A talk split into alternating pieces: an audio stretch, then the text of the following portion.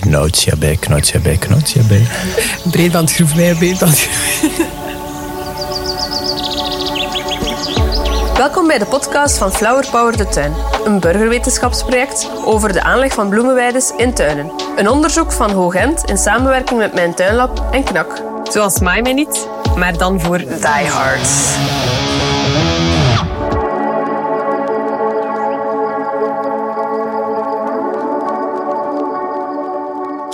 Dag Joren.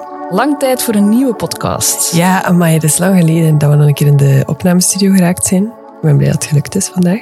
Zeker. Maar we hebben dan ook niet stilgezeten van dit jaar? Uh, nee, nee, dat is waar. Onze laatste aflevering dateert al van ergens in mei, denk ik. Nog voor onze deelname aan het Nerdland Festival. Daar wilde jij wel iets over zeggen, denk ik. Ja, dat was toch wel een gigantisch succes. Um, zo zot om daaraan mee te mogen doen. Honderden mensen kunnen inspireren met onze mini-graslandjes die we gemaakt hadden voor op de My Minute beursstand. Dat was um, ook wel tof om met zoveel mensen een bloemenbingo te spelen. Dus al die mensen zoekend samen met hun kindjes uh, naar de twaalf plantensoorten die op in bloei stonden op dat moment. Zoek de kokoksbloem. Uh, ja, en iedereen die mee, hè? En? Je bent op podium gemogen met Lieve Scheire, Hetty Helsmoortel en onze nieuwe weervrouw, die al niet meer zo nieuw is ondertussen, Jacot Brokke. Ja, ja, ja, ja, dat was wel heel tof. En zelfs in het busje gezeten met Jacot. Dat was uh, heel, heel fijn. Um, een beetje intimideerd om op zo'n groot uh, podium te, te mogen, maar ik had de, de grote um, 50 liter pot mee, waarin dat de uh, ratelaar bloeide. Um, en met wat trek- en sleurwerk en assistentie van de techniekers hebben we die op podium gekregen. Ik was zo blij dat die pot, eh, die plant, mij vergezelde, dat mini-graslandje. En dank u wel, Joren, om mijn zenuwen te, te bedaren uh, in de backstage, want dat was echt wel nodig. graag gedaan. Nog misschien iets over die pot? Die zijn we kwijt, hè? Is gepikt. Die pot is gepikt. We zijn onze ratelaar kwijt. And then I do not forgive. Ja, we verdenken lieve scheren. Oh no, he didn't. Maar dus wie, wie onze graslandpot gezien heeft, uh, gelief hem terug te brengen of gewoon iets te laten weten hoe dat ermee gaat, want we missen hem wel. Ja, zeker niet bemesten en tijdig maaien. Can I have the next slide, please? En we zijn begonnen aan onze Flower Power paper. Ja, uh, een paper misschien voor de, de leek.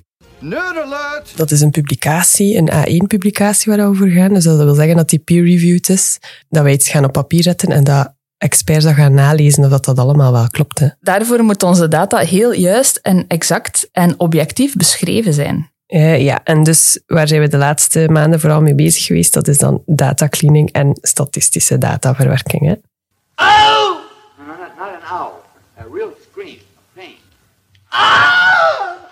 Ja, een noodzakelijk kwaad. Uh, maar kei interessant. Hè? Dus we hebben alle bloemenwaarnemingen gecontroleerd. Dus dat zijn alle tellingen die onze deelnemers hebben uitgevoerd in, de, in juni elk jaar. Alle mogelijk verdachte, zeldzame en zeer zeldzame soorten worden gedubbelcheckt met de foto's die we hebben binnengekregen. Ja, en dat is een noodzakelijke eerste stap uh, in elk onderzoek, dat we alle gegevens nog een keer worden gecontroleerd. Maar uh, bij burgerwetenschap is dat extra belangrijk, want onze gegevens zijn verzameld door 492 verschillende burgerwetenschappers, dus verschillende mensen die allemaal een verschillende achtergrond hebben.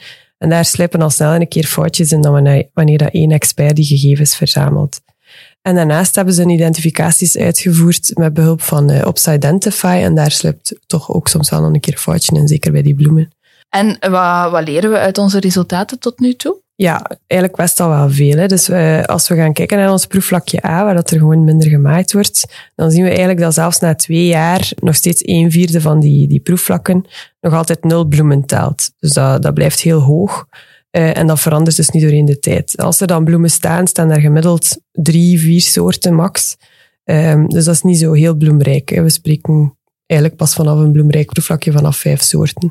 Als we dan gaan kijken naar proefvlak B, waar dat er werd ingezaaid tussen de graszoden, dan zien we dat dat in 2023 dat dat aandeel proefvlakken waar dan nul bloemen in staan, dat dat wel wat gezakt is. Dus dat was ook een vierde in het eerste jaar. Nu zit dat op 15% van de proefvlakken waar daar geen bloemen in staan.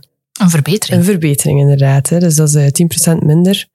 Dus daar zijn hier en daar wel wat soorten opgedoken, zoals ratelaar en zo, die hebben daar wel kunnen vestigen. Hè, daar worden we dan blij daar van. Daar worden we blij van, inderdaad. Uh, maar die gemiddeldes blijven ook vrij laag. Hè. Rond, de, rond de vier soorten is dat daar. Um, dus dat is nog altijd niet, niet heel bloemrijk, maar het is wel beter dan dat proefvlak A, uh, lijkt zo. Maar als we dan gaan kijken naar proefvlak C, eh, dat is prachtig om te zien. Dus dat is het proefvlak waar dat de graszode gestript werd. In het eerste jaar waar dat, was daar al eh, slechts 10% van de proefvlakjes die geen, geen bloemen had. Dit jaar is er maar in 2% van die proefvlakken geen bloemen. Eh, dus dat wil zeggen, in 98% van die proefvlakjes stonden wel bloemen.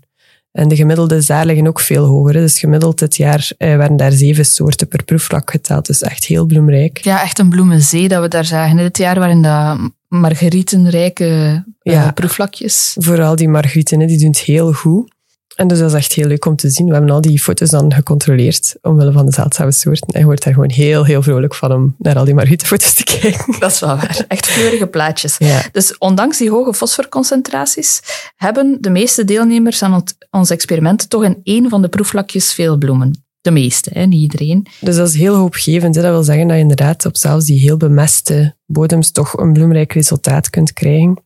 Nu gaan we nog een jaar verder. We gaan kijken of dat, dat stand houdt. Hè, of dat, dat misschien toch ook weer gaat vergrassen, dat proefvlak, of niet. We gaan ook wat suggesties doen rond maaibeheer en zo naar de toekomst toe, op basis van die, die resultaten. Dat wordt dus vervolgd. En wat dus ook vervolgd wordt, mensen hebben in, in juni en optioneel in augustus eh, tien minuten lang elk proefvlakje in de gaten gehouden en elk insect op een bloem landde gefotografeerd en dan met Identify geïdentificeerd. Er is ook een thesis-student die daar nu mee aan de slag is gegaan. En daar moeten we echt nog wel dieper induiken in die data.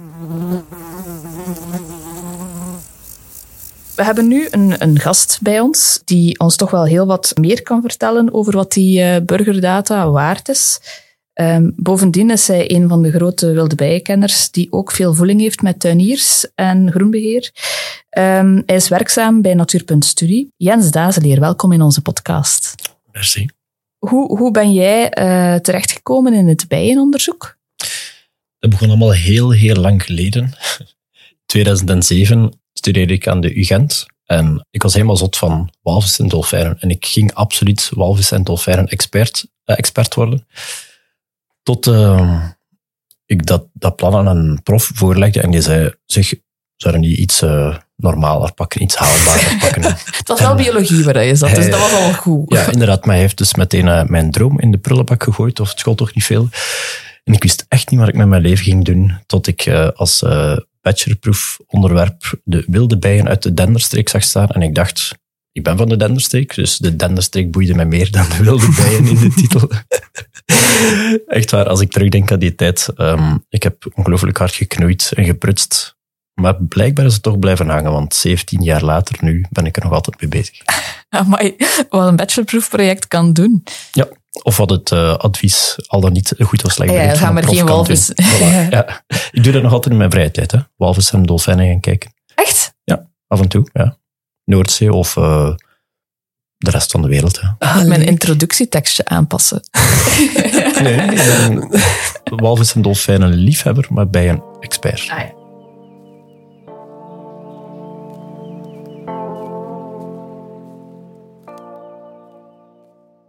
Hoe gaat het met, met die wilde bijen? Was het nu dit jaar echt zo'n slecht insectenjaar?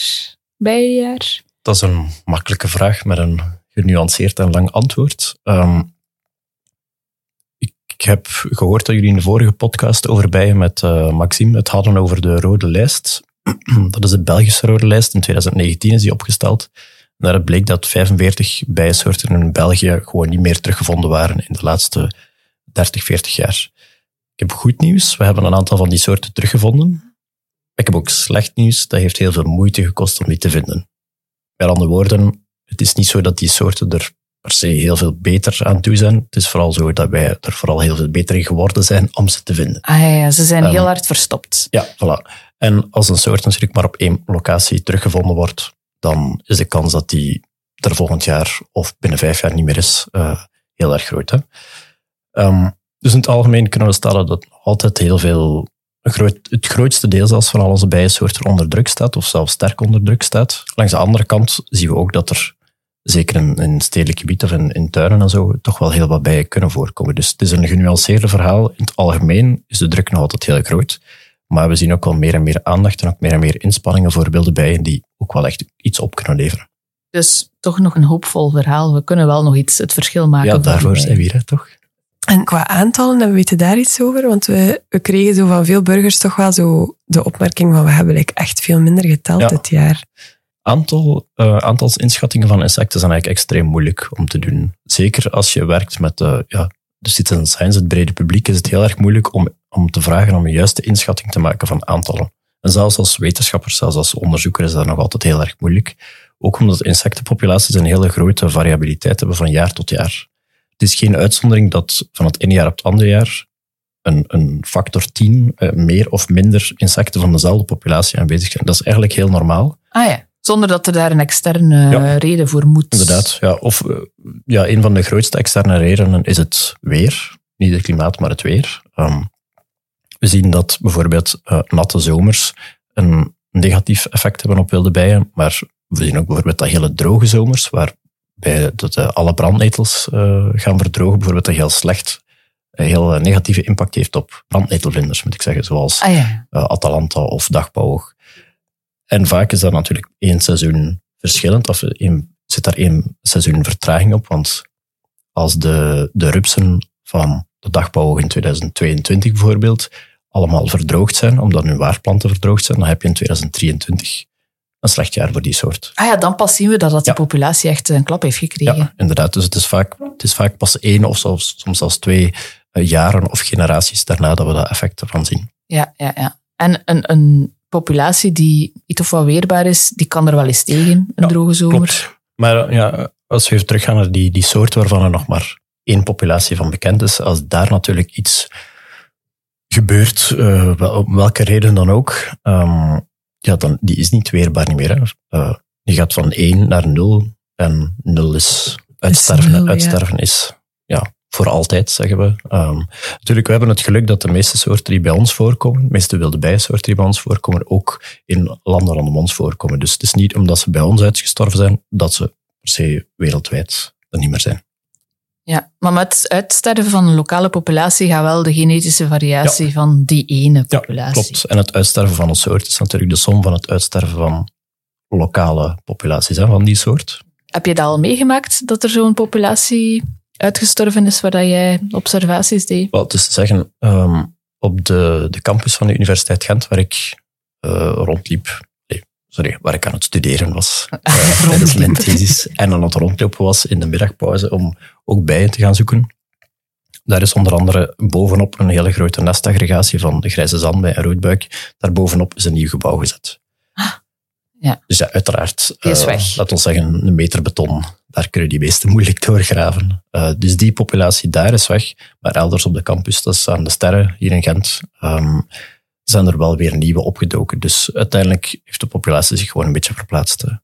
Maar gelukkig zien we het omgekeerd. Hè. Vooral uh, soorten die uitgestorven gewaand waren, die we echt heel, met heel intensieve zoektochten gaan zoeken zijn en dus wel ook regelmatig terugvinden. Dat is natuurlijk wel een veel leuker iets om uh, mee te maken, om over te praten ook, dan, uh, dan het omgekeerde.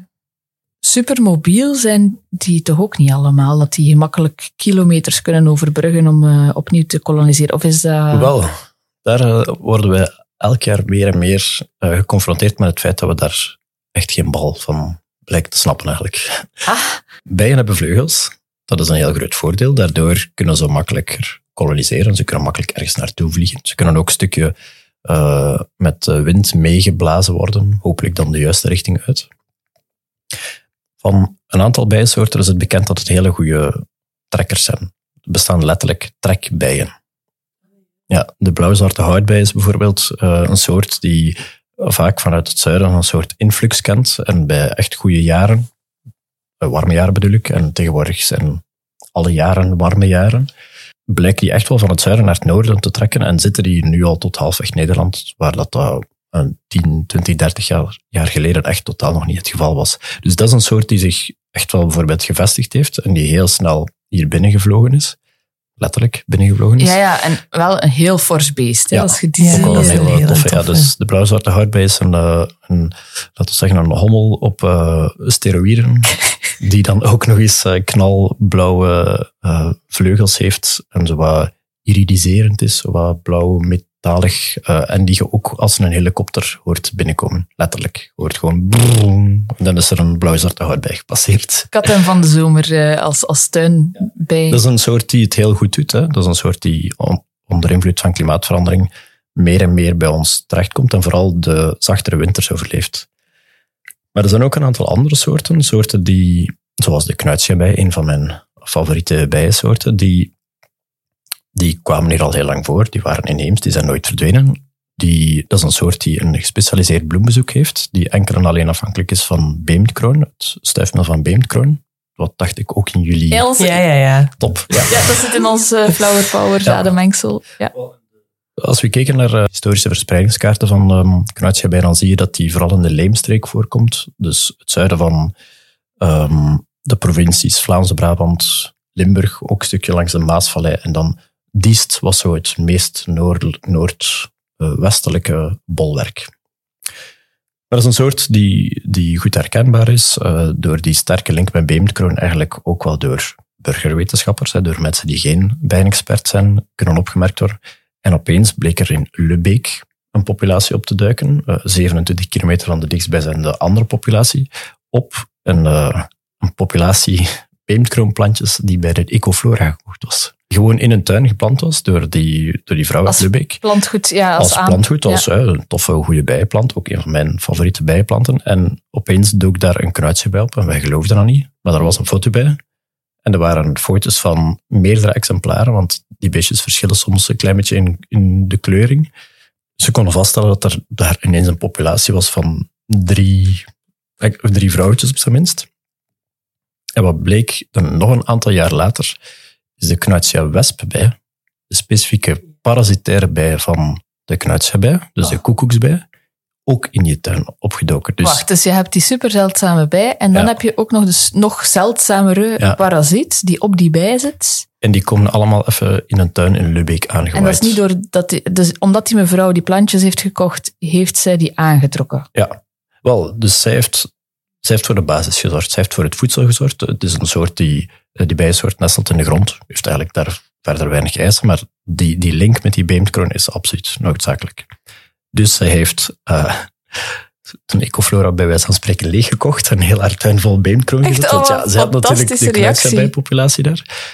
Maar wat wij dus ook nooit hadden verwacht, ten eerste was dat daar knuitsjebij zou opduiken, en al zeker niet dat die knuitsjebij daar zou opduiken. En zo snel ook dan. Ja, en een aantal Ja. jaar daarna. Dus Ja. dat, dat zegt ons iets over het feit dat er ongelooflijk veel scouts moeten zijn, ongelooflijk veel bijen moeten zijn, exemplaren moeten zijn, die wel echt een bepaalde richting uitvliegen en op zoek gaan naar nieuwe habitats om te koloniseren. Nieuwe geschikte habitats om te koloniseren. Hoe vinden zij dat dan? Is dat dan op geur of zo? Ik dat denk dat naar op goed geluk is. Maar natuurlijk, beemdkroon is zo'n soort die in heel veel mengsels zit ook, denk ik. Dat komt Ja. ook wel meer alweer voor. We, hoop, allee, we verwachten ergens in Oost-Vlaanderen ook dat die, zo, dat die knuitsjebij dan als eerste ergens moet opduiken. Waar ze momenteel nog opgedoken is, is op de lijn ehm, Brussel-Antwerpen. Als in letterlijk de spoorweglijn. ja. Ze heeft letterlijk de trein genomen, hoogstwaarschijnlijk. In het Ah, waar het hoofdkantoor is van Natuurpunt, daar is een, ehm, een klein natuurgebiedje waar Natuurpunt intussen beheerder van is. En dat ligt tegen een spoorweg. Op de spoorlijnen zelf stond heel veel beemdkroon Van nature. van nature. Hè. Dat is ook een, een soort die het eh, goed doet in kalkrijke omgeving. En daar zat ook een, een populatie knuitsjebij op. Maar intussen zit die ook noordelijker. Contig, Lint zit die daar dus ook gewoon langs de spoorwegen in een aantal al dan niet ingezaaide beemdkroonpopulaties. Langs de andere kant, eh, in de regio van Hoegaarden, waar mijn collega Pieter van Normelingen die soort al tien jaar aan het opvolgen is en daar heel intensief maaibeheer voor aan het doen is, blijkt dat de soort pas na tien jaar een nieuwe berm heeft gekoloniseerd die 800 meter van een aantal andere bermen lag waar die soort al veel voorkomt. De literatuur zegt dat het een soort is die moeilijk nieuwe, eh, moeilijk nieuwe eh, locaties koloniseert en moeilijk ongeschikt habitat overvliegt. En dat zie je daar ook. Dat zijn akkers. En die 800 meter akkers heeft dus tien jaar gekost om daar te geraken. Daar geraakt hij niet over. Langs de andere kant, 27 kilometer van Leuven naar Lubeek, dat was blijkbaar een fluitje van een cent. Ja, hoe meer dat we denken dat we iets weten over, die, over dat kolonisatievermogen, hoe vaker dat wij geconfronteerd worden met het tegenovergestelde. Natuurlijk, het geldt niet voor elke soort. Hè. Dit is nu een, een, een zot verhaal, eigenlijk, een succesverhaal. Er zijn ook heel wat soorten die minder mobiel zijn. En voor die soorten is het natuurlijk eh, cruciaal dat ook die lokale populaties, hoe groot of hoe klein ze zijn, wel allemaal behouden kunnen worden. Want anders wordt een afstand te groot ehm, tussen populaties onderling. Ja, want hoe kijkt zo'n bij eigenlijk naar een landschap? Hoe eh, gefragmenteerd dat Door haar ook is? Ja, maar een, een, stel nu een, een heel groenig uitziend landschap, dat kan er voor een bij uitzien als bijna een woestijn, omdat er bijna geen bloemen staan. Ja, ja, ja klopt. Ja, groen is niet per se hetzelfde als natuur. In de camp staat heel veel mais. Niet hetzelfde als, dat is geen natuur. Hè. Ehm, maar bijen hebben inderdaad, en afhankelijk van de specialisatie die ze hebben, hebben ze meer of minder geschikt habitat. Als, als het een bijensoort is die e- op eender welke plantensoort vliegt, zoals bijvoorbeeld de metselbijen, uh, gehoorde metselbij, rosse metselbij, zo die heel algemene bijenhotelsoorten, die kunnen heel makkelijk in een stedelijk gebied, die zijn eigenlijk overal aanwezig. Ook de klimopbijen, die, ja, er staat enorm veel klimop, ook in onze steden, in onze bosranden. Dat is een soort die overal wel plaats heeft om, om voor te komen. En dat zien we ook dat die op bijna alle geschikte plaatsen gewoon voorkomt. Ja, dus niet kieskeurige bijen, die doen het eigenlijk best wel oké. Ja, en we hebben een tijdje geleden de, de link onderzocht. Um, dus op, op de, de database waarnemingen.be, um, wat de grootste natuurdatabank uh, van Vlaanderen is, met, even een slag naar slag, ik denk 75 miljoen records intussen al. Niet van bijen, hè, maar van alle, van alle soortgroepen door elkaar. Daar zijn heel veel gedetailleerde data in te vinden, want mensen gaan tegenwoordig meestal met een smartphone op pad en die schrijven door middel van de, de app uh, OPS, SMAP heet die, of OPS Identify, daar zullen we het straks over hebben. Door middel van die twee apps uh, noteren ze waarnemingen. Die waarnemingen komen in de waarneming.be database en dat geeft ons enorm gedetailleerde data.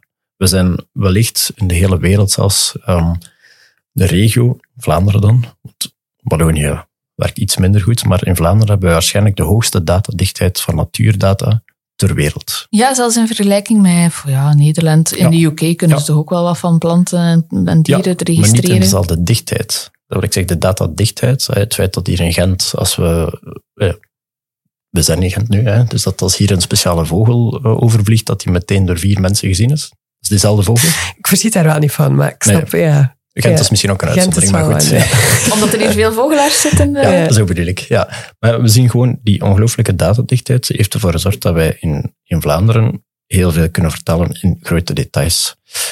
Hebben we gedaan? We hebben gekeken naar de, de puntwaarnemingen van alle bijen, dus eh, de exacte x-y-coördinaat van al die waarnemingen. En we hebben gekeken wat de, het landgebruik is door middel van de BWK, de biologische waarderingskaart. Dat is een kaart waarop staat per perceel, op elk perceelsniveau, wat het landgebruik is en of het biologisch waardevol dan niet waardevol is. Dus verstedelijk gebied, akkers, eh, alle verschillende typen graslanden zitten daarin. Alle types moerassen, duinen, eh, waterlopen. Er, staan, eh, er is ongelooflijk veel detail in. En ook dat is vrij uniek in Vlaanderen, dat wij zo'n kaart hebben. En het leuke is dat je die twee dus kunt koppelen aan elkaar. Dan kan je kijken wat de preferentie is van bijvoorbeeld die bijensoorten voor bepaalde habitats. Dus als je dan al die puntwaarnemingen van, die, van een bepaalde bijensoort, eh, die locaties, op een kaart gaat plotten, samen met die biologische waarderingskaart, dan kom je te weten van, ah, dat beest heeft graag een, grasland. En zelfs meer in detail welk type grasland. Ehm, dus je kunt eh, habitatpreferenties of habitatvoorkeuren voor vanuit bijensoorten bekijken of vanuit habitats. Je kan kijken wat zijn de typische soorten van kalkrijke kusttuinen.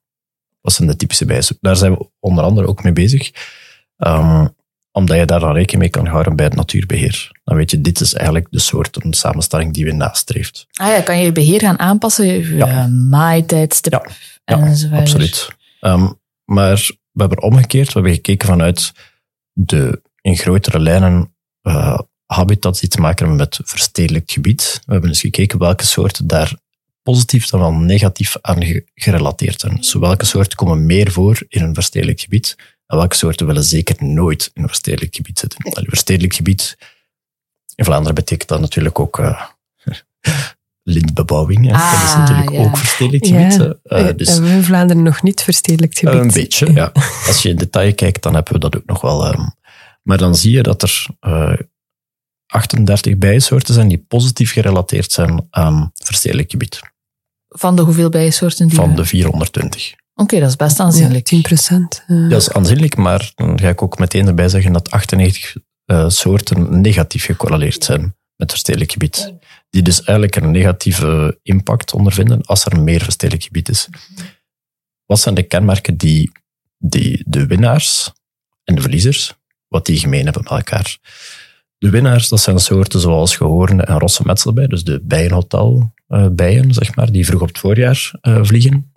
Dan heb je ook eh, een soort zoals de grote wolbijen, die graag op uh, zitten in bloemborders. Ehm, je hebt een soort zoals latyrusbij, afhankelijk van de grootbloemige latyrussen of vlinderbloemigen, die je ook eigenlijk meer en meer in tuinen ziet dan dat je die in natuurgebieden ziet. Ehm, wat blijkt, het zijn meer bovengrondsnesterende soorten, omdat er natuurlijk in een stedelijk gebied gewoon heel veel gaten en kieren en spleetjes zijn. Dat is niet alleen het bijenhotel-effect. Nee, maar ook natuurlijk ook. Hè. Bijenhotels worden meer geplaatst in, in uh, steden of in tuinen dan dat die in natuurgebieden geplaatst worden, want daar is dat ook echt nodig natuurlijk. Um, we zien dat er minder parasitaire bij zijn, minder koekoeks bij zijn. En we zien vooral, en dat was heel opvallend, dat er geen verschil is in de mate van specialisatie op bloemen. Ah, dus je zou denken... Dus je hebt zowel specialisten als generalisten. Ja, maar daarvoor is het natuurlijk wel belangrijk dat wij in onze tuinen ook aandacht geven aan die specialisten. Dus plantensoorten aanplanten die ook door die specialisten gebruikt worden. En een plantensoort die, die in heel veel tuinen staat, uh, en die veel meer in tuinen staat dan in natuurgebieden, zijn klokjes. Ah, Prachtklokjes ja. bijvoorbeeld. Hè, die Ja. hele lange uh, ja, stengels vol uh, paarse of, of witte bloemen. Je hebt die ook in witte cultivars. Het prachtklokje, dat staat in veel bommatuinen ook. Ah, levende bommatuin. Ja, levende bommatuinen. Want er zijn uh, in België alleen zeven bijensoorten, alleen afhankelijk van stuifmeel van klokjes. En een groot deel daarvan komen echt ook voor in het verstedelijk gebied. en in Net zoals bij die knauwsia bij Ja. zijn er bijen die echt dat klokje nodig hebben, want anders... Anders zijn ze niet. Ja. En die hebben dan dan nodig voor voedsel. Ja, Of voor... Dus het, um, als we het hebben over specialisatie bij bijen, bij wilde bijen, dan gaat het over de specialisatie op vlak van stuifmeel. Stuifmeel wat de eiwitrijke voedselbron is voor de larven. Dus een bijensoort kan gespecialiseerd zijn op zeg maar die klokjes, maar kan nectar drinken voor haar eigen energiebehoefte bij een andere plant. Ah, oké. Want sommige plantensoorten die bieden helemaal geen nectar. Zoals de grote wederik. Die heeft alleen plantenolieën die verzameld worden door bijen. Uh, allee, door de uh, slopkousbij toch? Wat een naam. favoriete naam ook, hè? de slopkousbij. Die heeft zo wat dikkere achterpootjes, de slopkousen dus. Lang leven de Nederlanders die de naam hebben uitgevonden. um, en die verzamelt stuifmeel van de grote wederik, verzamelt ook plantenolie. Die gaat hij met zijn kleine voetjes eruit duwen, uitpersen. Maar die grote wederik die heeft, geeft helemaal geen nectar. En Dus dat heeft die bij wel- ook nodig. Ja, want nectar is uh, suikerrijk en is de energie, zorgt voor de energiebehoefte uh, van je bij. Je kunt geen bezig bijtje zijn als je nooit energie opdoet. Dan krijg je honger en een rammel in de maag. en dan, uh, ja, dan kun je niet meer voortwerken natuurlijk. Hè. Dus die soort, je moet dan op andere plantensoorten, of die slopkousbij moet dan op bijvoorbeeld een kattenstaart, grote kattenstaart, moet daar dan nectar gaan, gaan halen. Ja, dus een belangrijke, bovengronds nestelende bijen, die doen het best wel oké vaak in maar de er is steden. dus geen verschil um, tussen in de mate van specialisatie. Nu, aan de andere kant toch heel snel de verliezers, dat zijn vooral soorten van natuurlijke habitats, zoals grote heides, uh, kusttuinen, grasland, uh, echte typische graslandsoorten. Die ga je natuurlijk veel minder hebben in, in een verstedelijkte context. Dus het is belangrijk om, als je werkt in een gemeente of in een stad, aan het behoud van natuur, dat je ook nog die, ook al zijn het snippers van echte pure kernnatuur, om die toch ook absoluut te gaan behouden. En niet alleen maar te denken van, we lossen het op met bloemborders, bijenhotels of uh, vierkante meters uh, bloemrijk gazon. Ja, de snippers. De snippers, Die zijn ja. dus wel echt belangrijk. Absoluut, Ja, ja. want dat is zo de laatste weken weer in het nieuws geweest dat dat misschien allemaal niet zo belangrijk is, die kleine snippertjes natuur. Vlaanderen is een en al is snipper. een hè. en al snipper, Dus, inderdaad. ja. Dat hier gewoon nog een keer op tafel Als we die Absoluut. snippers gaan opgeven, dan geven we eigenlijk het grootste deel van onze soorten op. Ik vind zelfs dat we onze, wat ons als Vlamingen, Vlamingen maakt, vind dat we dat ook een stuk opgeven. We Ah. zijn toch, we leven toch in een versnipperd landschap. Dit, dat is toch typisch, Dat is typisch Vlaams. typisch Vlaams. hè? Iedereen doet zijn goesting. Voilà. En kooiterijen en zo, nee? Ja, dat is waar. Maar dat heeft natuurlijk ook de, natuur gevormd heeft dat die er Ja. nu uitziet. Absoluut. Ja. Dus we moeten die keihard behouden. Ja. Op die manier. Dat is zo de het? land sparing, land sharing. En wij zitten keihard in land sharing. Dus we delen alle landgebruiken Ja. door elkaar. We zijn heel rommelig op dat vlak, maar dat zorgt er ook voor... Rommelig. Mijn favoriete rommelig. beschrijving van Vlaanderen. Ah, ja. Maar dat heeft ook wat voordelen dan. Ja, een beetje smossen eh, kan nooit kwaad. Dat lijkt wel een politieke slogan. Nee, nee, nee. Omdat je een heel de heterogeen, de een heel heterogeen Ja. landschap krijgt Ja, dan. absoluut. Dat is zo, ja. Het gro- dat is het hele grote verschil met Nederland. Hè. ja echt... concentratie van, van alles eigenlijk. Hè. Concentratie van eh, verstedelijking, concentratie van hele intensieve, uitgestrekte landbouwlandschappen die voor de rest helemaal uitgekleed zijn. En dan gigantisch grote natuurgebieden. Ja, ik ben uiteraard jaloers op die gigantisch grote natuurgebieden, maar ik ben helemaal niet jaloers op de rest. Want ik vind onze ja, versnipperd en, en allee, ik vind ons landschap waarin alles overal wel een beetje in zit, eigenlijk wel ook interessanter om naar te kijken zelfs. Je komt dan veel verrassingen tegen. Ja, absoluut. Zoals die Knausja bij. Die een trein neemt. Ja. Ah, leuk. Ehm, ik wou nog een keer eventjes terugkomen op die klokjes. Dat zijn vaak cultivars die in die tuinen voorkomen. Denken jullie dan dat dat niet uitmaakt voor die bijen, of dat dat een cultivar is of iets anders? Het is zo dat enkele van de klokjespecialisten eh, goed vliegen op die cultivars. En dat het voor hen niet echt uitmaakt of het een ruigklokje is, een prachtklokje, een rapunzelklokje. Maar we hebben ontdekt dat er een aantal andere soorten zijn die, waar dat, dat wel belangrijk is. Ehm, die enkel en alleen op grasklokje voorkomen of enkel op rapunzelklokje voorkomen. Dat zijn soorten die dan weer geen cultuurvolgers zijn. Ehm, maar die, dan, eh, die je wel moet vinden of moet gaan zoeken in, eh, in uitgestrektere natuurgebieden. Cultuurvolgers. Dat is ook wel een bijzonder woord. Ja, de huismus is ook een cultuurvolger, bijvoorbeeld. Dus laat ons zeggen dat de grote klokjesbij een beetje de huismus is onder de bijen.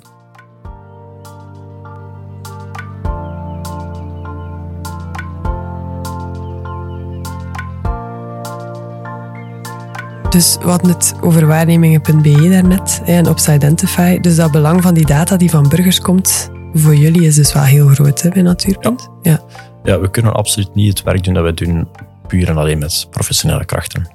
Ehm, onze grootste professionele kracht is net zijn onze vrijwilligers en zijn burgers. Hè. Mhm. Meer en meer. Ja. Eh, en als het dan gaat bijvoorbeeld over die heel zeldzame soorten, daar ook nog een heel klein vraagje over stellen. De reden waarom dat jullie die nu terugvinden, heeft dat voor een stuk te maken met die databank ook? Ja, absoluut. Ja. Ja, Dus mensen maken een foto en dat is dan per ongeluk een klokje eh, of een bij waarvan dat we Ja. dachten dat die uitgestorven was. ja, absoluut. Nogmaals, in Lubeek hadden wij niet Ja, het idee om daar te gaan zoeken naar die soort, want we wisten dat dat de historische verspreiding van de soort niet is. We wisten ook dat er in de omgeving eigenlijk van Natura, in Bermen en zo, geen, geen beemdkroon staat. Maar goed, dan beslist één tuinier om beemdkroon te zetten en dan beslist die eh, persoon ook om alle bijen te fotograferen die op die eh, bloem terechtkomen. En dan zegt hij, ja, ik weet niet wat dit is. Dit was een raar uitziende honingbij. Letterlijk. En dan zeggen wij, wacht eens, eh, kunt u mij eens even knijpen? Want ik denk dat ik hier iets zie dat toch niet kan.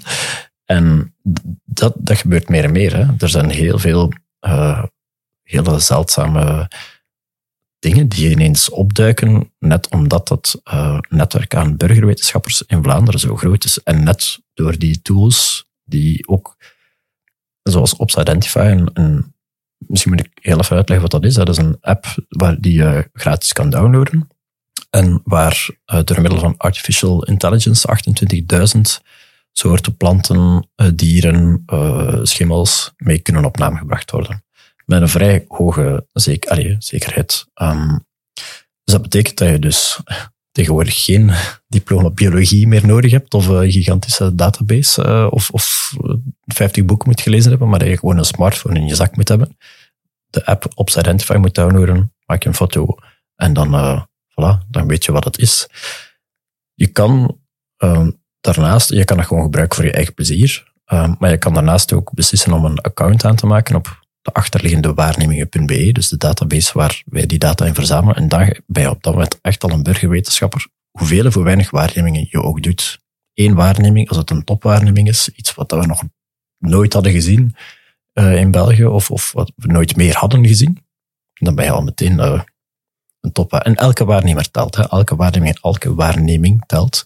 Um, want het is pas door al die data samen te gooien dat we het goud vinden dat erin zit. Dus een quote van mijn, uh, Mijn eh, vroegere baas die zei van, we zijn eigenlijk echt goud aan het delven. Er is een gigantische hoop data en daar gaan wij het goud in pannen. Dus ik mag brandnetelfoto's doorsturen. Absoluut, tuurlijk. Want, en dat meen ik, hè. Als je brandnetelfoto's doorstuurt, kunnen we misschien ook zien wat de toestand is van brandnetels. En dan weten we meteen of die brandnetels verdroogd zijn of niet dit jaar. En vanaf wanneer ze verdroogd Wordt zijn. daar ook naar gekeken in een foto? Dat kan, laat ons zeggen. Hè. We, we gaan zoveel mogelijk data verzamelen en dan goud, De foto's zijn bewaard en dat kan achteraf nog ja, analyse voilà, op het gebeuren. goud kunnen we er altijd uithalen. Dat is heel cool. Maar natuurlijk, die database dat is één ding. Je hebt al die waarnemingen. Daar moet toch ook een beetje in gekuist worden. Ja, dat klopt. Er zijn ook tegenwoordig nogal wat mensen die eh, foto's van zichzelf, of van een huisdier maken. En dan eens willen weten van, wie ben ik? Ik heb het zelf ook geprobeerd. Ik ben de hazelworm. Ik was een rivierprik. Maar ik heb het niet opgeladen. Een rivierprik. Ja. Zo'n visje. Ja. ik was het wel, maar met 23% zekerheid. Dus allee, Ah, dus je krijgt ook een percentage zekerheid van... de kans is dus groter dat ik een mens ben dan een hazelworm. Denk ik, hoop ik. Maar mens zit niet als dusdanig als soort in de database. Eh, want dus de artificial intelligence draait eigenlijk, baseert zich op goedgekeurde waarnemingen. Goedgekeurde waarnemingen met foto's, die door experts, dus mensen, zoals ik zelf, eh, goedgekeurd zijn als dit is die soort. Tegenwoordig gaan we ook zover dat we verschillende stadia kunnen eh, onderscheiden. Dus bijvoorbeeld, dit is een rups van een bruin zandtoegje of van een dagbouwhoog of zo. en dit is een adult of een imago van, eh, die, van diezelfde soort. Waardoor dat ehm eh, Ops, Identify, Ops Identify dus ook niet alleen kan zeggen het is die soort, maar het is ook dat stadium. Het is ook een larve dat je hebt of een rups. En dat is belangrijk dat dat stadium kan geïdentificeerd worden. Wel, het leert ons ook weer iets over, eh, over de fenologie, over de, de periode wanneer die soort in rupsstadium is of in volwassen stadium is. Stel dat er vlinders zijn die door middel van, of onder invloed van klimaatverandering van twee naar drie generaties per jaar gaan, dan kan je daardoor volgen van, ah, kijk, we zien effectief rupsen die groot geworden zijn in augustus of zo, ik zeg maar iets, van een bepaalde soort, waar tien jaar geleden eh, maar twee generaties waren per jaar en geen derde. Nogmaals, hoe meer data dat we verzamelen, hoe meer vragen we kunnen beantwoorden. Ook al hebben we de vraag nu vandaag nog niet bepaald. Hè. Dat is het hele leuke en een beetje het, het grote verschil met ehm, andere vormen van wetenschap. Daar heb je eerst een duidelijke vraag stellen, dan een proef opzet en dan ga je proberen om een antwoord te vinden op die, die duidelijke vraag die je had. Bij burgerwetenschap, en zeker bij het platform waarnu.be, staat het eigenlijk vrij om daar eender welke natuurwaarneming in, in te droppen die je ook maar wilt. Hè. Uh, is de, de bloeiperiode van speenkruid, boeit u dat ongelooflijk hard? Alsjeblieft, maak zoveel mogelijk foto's, geef zoveel mogelijk data in over de bloeiperiode van speenkruid. Misschien ontdekken we dat die soort binnen tien jaar vijf dagen eerder bloeit. Uh, en dan heb je op jouw manier weer bijgedragen aan, uh, aan burgerwetenschappen. Uh, is het ook in dat opzicht dat jullie dit jaar dan die insectenzomer gelanceerd hebben? Ja, inderdaad. Um, tot nu toe hadden we in de zomer altijd het grote vlinderweekend. Maar um, dan merkten we dat, dat was ja gedurende één weekend, maar we merkten dat afhankelijk van het, het voorjaar, of dat dan droog of een warm of een nat voorjaar was, dat vlinders nogal een keer konden schuiven. Als in dat, er, dat de volwassen stadia nogal eens twee weken na uw vlinderweekend ineens Ah, konden ja, ja, dat- actief zijn. Je wilt het vlinderweekend positioneren op het moment van de piek van de vlinders. Ja, en dat kun je dus blijkbaar heel slecht voorspellen. Zelfs met al uw data. Zelfs met al ons data, omdat het is natuurlijk ook altijd makkelijker om achteraf te zeggen, de data heeft gezegd dat, in, in plaats van de data zegt dat dit zal gaan gebeuren. Maar dus een stukje om, om, om daar vanaf te zijn, plus ook omdat andere insectengroepen ook wel onze aandacht eh, konden gebruiken of vroegen, is beslist om nu een drie maanden lange campagne te doen, vanaf begin juni tot en met eind augustus, en daar zes verschillende groepen van insecten aan bod te laten komen. Dus niet alleen meer de vlinders, uh, de dag- en nachtvlinders trouwens, maar we beginnen met de bijen en wespen, mijn favoriete groep natuurlijk, uh, gedurende twee weken. Dan daarna is twee weken aan de libellen en juffers, dan twee weken vliegen en muggen, twee weken dag- en nachtvlinders, twee weken kevers en wansen, en dan helemaal op het einde de springkannen en krekels. En op die manier heb je ja, gigantisch veel soorten ook meteen die je kan uh, coveren. En dat heeft uh, dit jaar meer dan anderhalf miljoen waarnemingen opgeleverd. Wow. Wauw, mensen hebben niet stilgezeten Nee. deze zomer. Zalig. Nee, en het leuke is ook, ehm, sinds een aantal jaar bestaan er ook de challenges, dus de uitdagingen. Dus via de app Ops Identify geef je dus waarnemingen in, maak je van alles een foto. Ehm, ik zou zeggen, doe dat absoluut. Ik ben dit jaar ook uh, freak geworden. Ja, En je on was the- eerst On the site. Totale leek op vlak Ja, absoluut. Ja, ik weet eigenlijk, eerlijk gezegd, ik weet heel weinig van wans, maar ik weet wel, als ik een wand zie en ik maak een foto en ik zorg ervoor dat die wand duidelijk op de foto staat, een beetje bijsnijden en zo, dat er een hele grote kans is dat die wans correct zal geïdentificeerd worden. Ik heb dit jaar ja, 30 nieuwe wandsoorten gezien, denk ik. Nieuwe soorten. Nee, voor mijn, voor Ah, mijn voor lijstje, je, voor mijn eigen lijstje. Maar natuurlijk, eh, zo- zo'n challenge. Dus de challenge bestaat erin om zoveel mogelijk waarnemingen en soorten te doen in de periode eh, begin juni, eind augustus. En ik moet zeggen, het heeft wel gewerkt. Ik heb eh, ervoor gezorgd dat ik toch net iets, een iets groter effort gedaan heb om toch nog wat meer insecten Ja, te dus gaan fotograferen. competitieve zal ook bij veel mensen wel Ja. werken. Ja, dat speleffect zo, hè? Voilà, en het heeft eh, bij mij heel goed eh, opgeleverd. Ik sta op plaats 328 vlak van soorten, dus ik ben dan absoluut... eh, Hoeveel, hoeveel users zijn er? er zijn, eh, dit jaar hebben een kleine 40.000 mensen meegedaan, waarvan er, en dat is eh, nog een veel mooier cijfer, 9000 nieuw waren. Dus 9000 mensen hebben de app op Identify gedownload en, en actief meegedaan, die daarvoor nog geen user waren. Daar zal die insectenzomer wel mee iets tussen Ja, ja, er is een grote campagne geweest. ook een mediacampagne met HLN onder andere. Ehm, en we gaan hem ook in 2024 herhalen. En dan gaan we proberen nog groter, nog meer in de media terecht te komen. En eigenlijk is het hele doel van de campagne eerder sensibilisatie en het in kaart brengen van de soorten qua verspreiding, maar niet qua aantallen. Aantallen is extreem moeilijk bij insecten. Hè? Eh, de juiste inschatting te maken, kunnen zeggen de populaties gaan vooruit of achteruit, is veel moeilijker dan te zeggen de verspreiding is gekrompen, het verspreidingsgebied is gekrompen of is net toegenomen. Ja, dus met enkel die waarnemingen te werken. eh, Presence, absence, de soort Ja. zit er of ze zit er Ja. niet. En de soort zit ineens in heel West-Vlaanderen, terwijl ze daarvoor nog nooit zat. Of omgekeerd, of, of, of in heel Limburg. Dat geeft u in grote lijnen wel een idee. En dus de grote veranderingen ga je zien, de kleinere veranderingen ga je niet zien eh, met een campagne zoals deze. Daarvoor heb je dan weer de hardcore. Ah, het is ook te random, denk ik. Hè? Niet? Ja. Dus mensen denken op een dag van nu heb ik daar zin in, morgen dan niet. Dus je mist ook veel zo. Allee, je, je hebt geen Maar consequente manier van data verzamelen. Strength in numbers wel. voilà, Ja. als er 40.000 mensen zijn die allemaal een beetje at random bezig zijn, dan heb je wel een redelijke cover natuurlijk. Hè. 6.295 soorten insecten zijn er waargenomen. Oef. Er bestaan er zoveel. Er bestaan er nog veel meer, ja. Maar het leuke is ook dat er een aantal echt hele, hele zotte dingen opgedoken zijn. Allee, niet opgedoken zijn, maar waargenomen zijn. Maar die effectief ook bevestigd zijn als juist. Ja, mijn foto. Dus bijvoorbeeld de rotsvlinder. Rotsvlinder is een vlinder die... Ik zou, ik zou die verwachten in de Vuurwijnvallei bijvoorbeeld, hè, in de kalkregio's in Wallonië. Er is één exemplaartje gevonden in Knokke.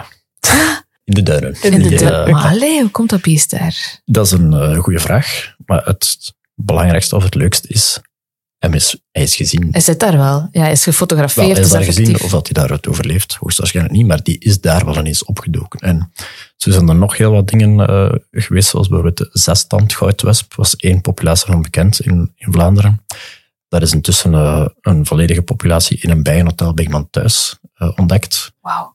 En die mensen zijn natuurlijk geweldig trots over het feit dat zij de, de tweede zesstand goudwespenpopulatie van Vlaanderen Worden die dan gecontacteerd of zo? Als je zoiets Ja, een- bijzonders doorgeeft? Ja, een paar van die, van die zijn ook wel in de media gekomen natuurlijk. En ja, dat is ongelooflijk. We weten dat zijn nu eh, burgerwetenschappers voor lijf. Hè. Ja. Ah ja, die, mensen zijn getriggerd. ja, die zijn, er waren al heel actieve waarnemers, maar die zijn nu natuurlijk nog meer, nog trotser ook. Hè. En terecht op. En op allee, ja, dat die soort nu daar zit of niet, dat, daar hebben zij weinig mee te maken, zeg maar. Maar het feit dat zij er aandacht aan gegeven hebben, dat is natuurlijk wat maakt dat een bal aan het rollen gaat. Hè. Wat, wat dan wij ook wel gezien hebben, Joren, bij onze ehm opkuis van de bloemendata, is dat er enorm veel zeer zeldzame plantensoorten werden eh, doorgegeven, die heel onwaarschijnlijk waren, die na controle op de foto's ook niet te bevestigen waren. We zijn er nogal streng mee geweest. Ja, degene die we niet konden bevestigen hebben uit de dataset gehaald. Hè, ja. Ja, dus vaak moet het toch ook wel wat voorzichtig zijn met wat er wordt doorgegeven.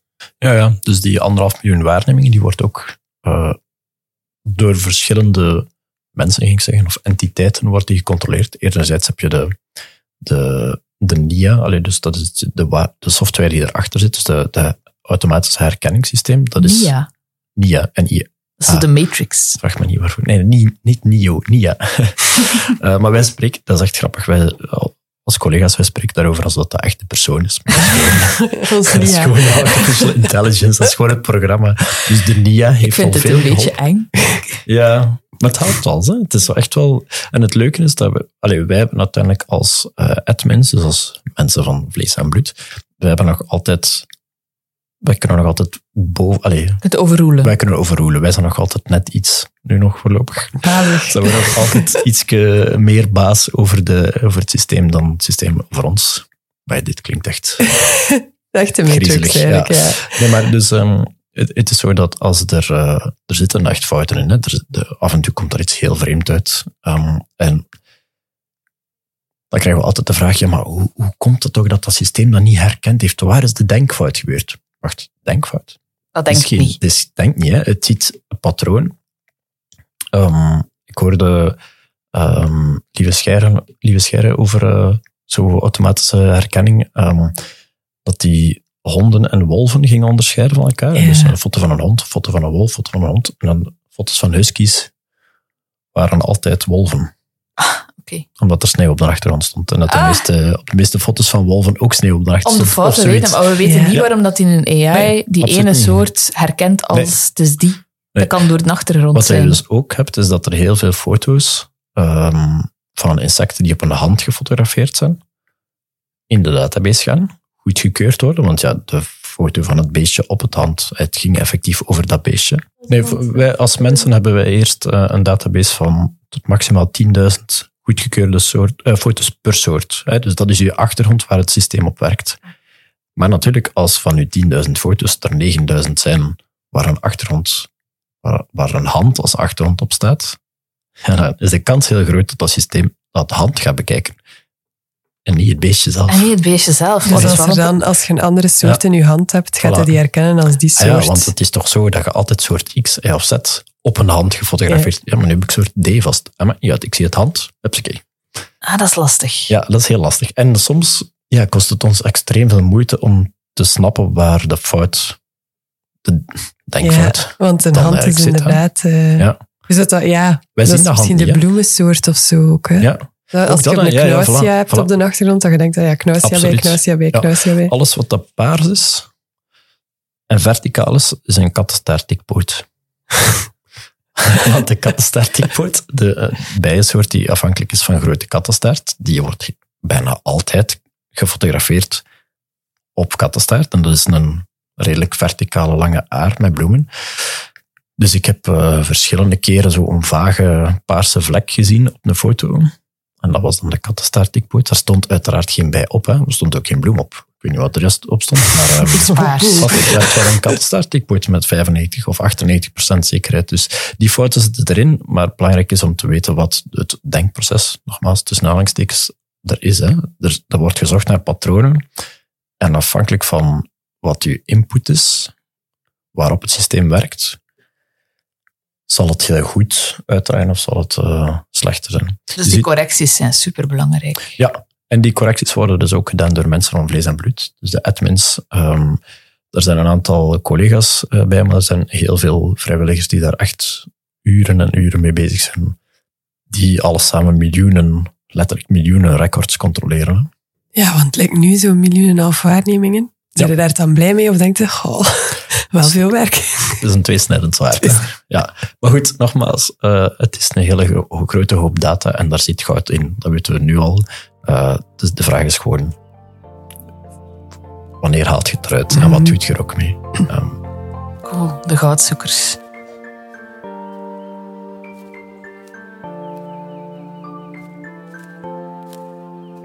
We krijgen dan nu de top 10. Van de insectenzomer. Wat dat we zien is in de algemene top 10 dat er zes van de tien soorten nog altijd dagvlinders zijn. Dus dagvlinders zijn echt wel een groep die goed herkenbaar zijn en ook goed herkend worden en goed gevonden worden. Dus ons idee om de grote, het grote vlinderweekend naar iets breder open te trekken wordt door de meeste burgers toch nog altijd gezien als het is toch hoofdzakelijk vlinders, want vlinders zijn insecten en insecten zijn vlinders. Natuurlijk, eh, we hebben nog duizenden andere soorten gezien. Um, en dan zie je dat er in de, uh, de top 10 van elk van de verschillende soortgroepen komen een aantal zaken uit naar voren die heel logisch zijn. Soorten die groot zijn, goed herkenbaar zijn en vooral fotografeerbaar zijn. Ja. Die eindigen natuurlijk in de top, in de top 10. Bij libellen zagen we dat de blauwe glazenmaker zowat de algemeenste libel, of een van de algemeenste libellensoorten, helemaal niet in die top 10 staat. Nee? Vanwege slechte fotografeerbaarheid. Dat is kei snel, dat Die beest. vliegt Die altijd weg. super snel, ja. Dus je hebt vooral foto's van planten in plaats van van libellen Ja. op de planten. Als je een uitdaging wil, fotografeer eens een grote glazenmaker. Ja, blauwe glazenmaker. Ook blauw gedaan. Ja, maar dat is waar. We krijgen dat van ons deelnemers ook heel vaak. Hè. Want ik had zoveel meer insecten in mijn proefvlakje, maar ik heb de helft niet kunnen Ja. Of zo super wazig. Zo'n bol die Ja, in- wegvliegt. In ah, de ja. groep van bijen en wespen, eh bijenwespen en mieren moet ik zeggen, want er is ook, de wegmier is ook op plaats 9 binnengevlogen in de top 10. Ehm, Heel trage soort waarschijnlijk. Heel traag, ja, die kun je makkelijk, eh, makkelijk fotograferen. Daar staan ehm, ook veel hommelsoorten in. Ehm, de akkerhommel stond op één bijvoorbeeld. Ah, bij ons ook als meest Ja, waargenomen ja. hommelsoort. eh, ja, hommelsoort. zelf, denk ik. Ja, Ja. akkerhommel. Wel een zeer algemene eh, soort die eh, groeit, dus een hele lange vliegtijd heeft, geen voedselvoorkeur heeft, dus op, één, allee, op heel veel verschillende plantensoorten kan terechtkomen. Eigenlijk zou de aardhommel daar misschien nog boven moeten staan. Maar de aardhommel lijkt heel sterk op de veldhommel en op nog twee andere hele zeldzame soorten, dus die komt in de aardhommelgroep terecht in een complex. Dus die wordt niet gezien als een soort. Ah, dat is puur een identificatieprobleem. Die staat Van- gewoon niet in de top 10, omdat dat niet beschouwd is als één soort. Ah, dus ja. ligt die niet in de top 10, terwijl die eigenlijk daar absoluut wel in thuis hoort. Maar goed, dat is een beetje interpretatie van de data. Honingbij staat op 2. Ja, honingbij in Vlaanderen eh, zijn er zoveel imkers dat honingbijen ongeveer overal wel voorkomen. De Aziatische hoornaar is op 4 binnengekomen. Maar in dat is toch wel een nieuwtje. Ja, wel, het is een nieuwtje. Ehm, het is natuurlijk ook omdat hij zoveel in het nieuws geweest is, dat, hij daar ook, dat er ook heel veel En aandacht veel is. mensen die gefotografeerd voor, hebben. de, ja. voor die Aziatische hoornaar. Maar die is wel aan een razendsnelle opmars Vaker bezig. dan de Europese? Ja, Europese hoornaar op 6. Ja. Nu, daar heb ik ook wel een theorie over, namelijk dat de Aziatische hoornaar een van die soorten een van die cultuurvolgers is. Of moet het anders zeggen, een van de imkervolgers is. Imkervolgers, Ja, voilà. ja. Maar imkers gaan ook vaker, toch nog altijd in stedelijk of randstedelijk gebied, daar gaan imkeren. En Aziatische hoornaar volgt daar voornaamste of makkelijk, en makkelijkste voedselbron, namelijk honingbijen. En wordt dus ook heel veel gezien in tuinen eh, waar niet ver daar vandaan een, eh, een paar honingbijenkasten staan. Ja. Een imker volgt ook de voedselbron. Namelijk in, stad, in steden en dan de stadsranden en zo is er heel veel voedsel voor die honingbijen, terwijl het platteland vaak weinig. Wel, dus ja, ik denk dat dat de reden is waarom de Aziatische hoornaar meer gezien wordt dan Europese hoornaar, terwijl ik eigenlijk ervan uitga dat Europese hoornaar nog altijd algemener is. Maar dat is een soort die meer in bossen voorkomt en meer in grotere natuurgebieden voorkomt. En daar gaan... Ik denk eigenlijk dat de meeste mensen die met insecten zomaar bezig waren, vooral hun eigen tuin hebben gecoverd. De tuin, de tuin van de bomma, eh, de, de, de bloemborder, terwijl ze, allee, de borders, of de wegbermen, terwijl ze naar, naar het kantoor aan het fietsen waren of zoiets. Ik denk dat een meerderheid van de mensen echt wel hun eigen directe omgeving heeft bekeken. Dus vandaar ook dat je ziet dat daar wel redelijk wat van die cultuurvolgers en algemene en grotere soorten, dat die in die top 10 staan. Maar dat is wel interessant, want je hebt dan ook een keer een beeld van een, van een locatie waar je normaal gezien minder zicht op hebt. Eh, Ik denk, of, ik denk dat in het algemeen heel veel eh, waarnemers wel vooral in eigen in tuin eigen beginnen. tuin, ja. En dan heb je zo een concept zoals de duizend soorten tuinen. Dat zijn dan een hoop eh, freaks bij elkaar die, die proberen om duizend soorten planten en dieren waar te nemen in hun eigen tuin. En ik moet je zeggen, er zijn mensen die zelfs de kaap van 2000 Nee, voorschijnen. wow. Ja. 2000 soorten 2000, in één tuin. Maar ja. dat zijn dan absurd grote tuinen of zo. Nee, eigenlijk niet. Dat hoeft niet. Nee, dat is een grote verrassing. Hè? Ehm, het gaat om evenveel om de zoekinspanning en om het gaan ondersteboven keren van elk eh, stukje hout of, of wat er ook in je tuin te vinden is, om toch maar die laatste springstaart en pissebed en miljoenpoot ook te vinden. En dat is het leuke aan deze campagne en de bijhorende challenge. Hè. Dus je wil niet zoals ik op plaats 328 eindigen uh, qua aantal soorten, maar je wil toch nog iets hoger belanden.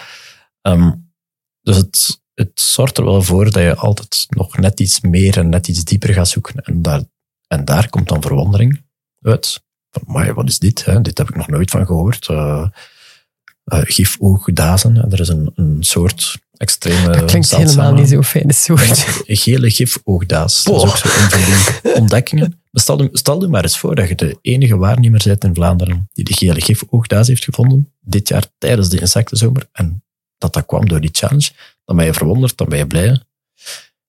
En dat zorgt er weer voor dat je natuur wil gaan beschermen. Hè? Eigenlijk, is dat ons, eigenlijk is dat de reden waarom we het ja, we, zijn, we, zijn, we, we zijn wetenschappers en we zijn wel data, maar eigenlijk... Eigenlijk willen wij gewoon jullie voor onze kar spannen, namelijk meer natuur in Vlaanderen. Zo, zo gemeen. Ja, ik weet het wel, echt uh, slechte bedoelingen. Ja, ja, heel. Wat was dan de meest gevonden wilde bij? Um, de breedbandgroefbij.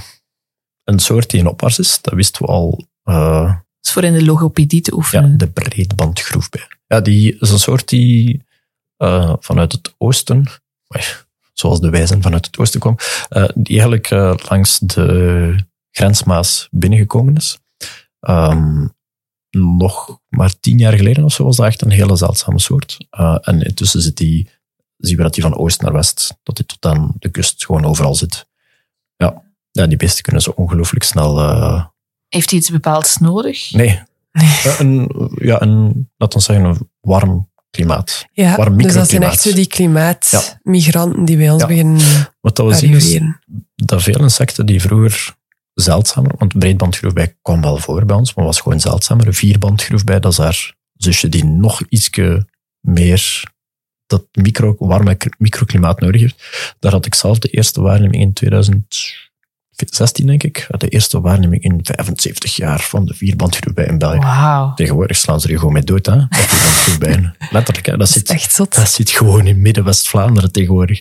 En dat heeft hoogstwaarschijnlijk te maken met het feit dat de hoge eis van een warm microklimaat intussen ja, ingevuld is door een warm macroklimaat, zeg maar heel veel soorten die het goed doen, hebben, hebben wel iets met, met een warmer of een droger klimaat.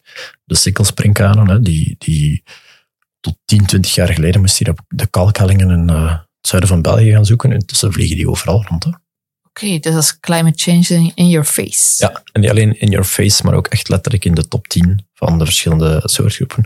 We zien uh, ja, zoals ik al zei, grote, goed herkenbare en fotografeerbare soorten. En dan zien we soorten die afhankelijk zijn van klimaatverandering, die dus een opmars zijn. En we zien ook wel exoten. We zien die Aziatische hoornaar, we zien het Aziatische lieveheersbeestje, we zien ook een paar Wanse soorten die ja, uitheems zijn, die het dus ook wel heel goed doen. Ja, is dat dan een probleem? Ja, invasieve exoten zijn nooit een, nooit meerwaarde. Eh, in een systeem. Ze zorgen altijd voor dat ze het systeem wat verder ontregelen. Het goede is wel dat we ze heel goed in kaart aan brengen zijn. Dat is het minste dat je er kan over zeggen. We kunnen misschien zo het verschil tussen exoten en klimaatmigranten een keer kort uitleggen?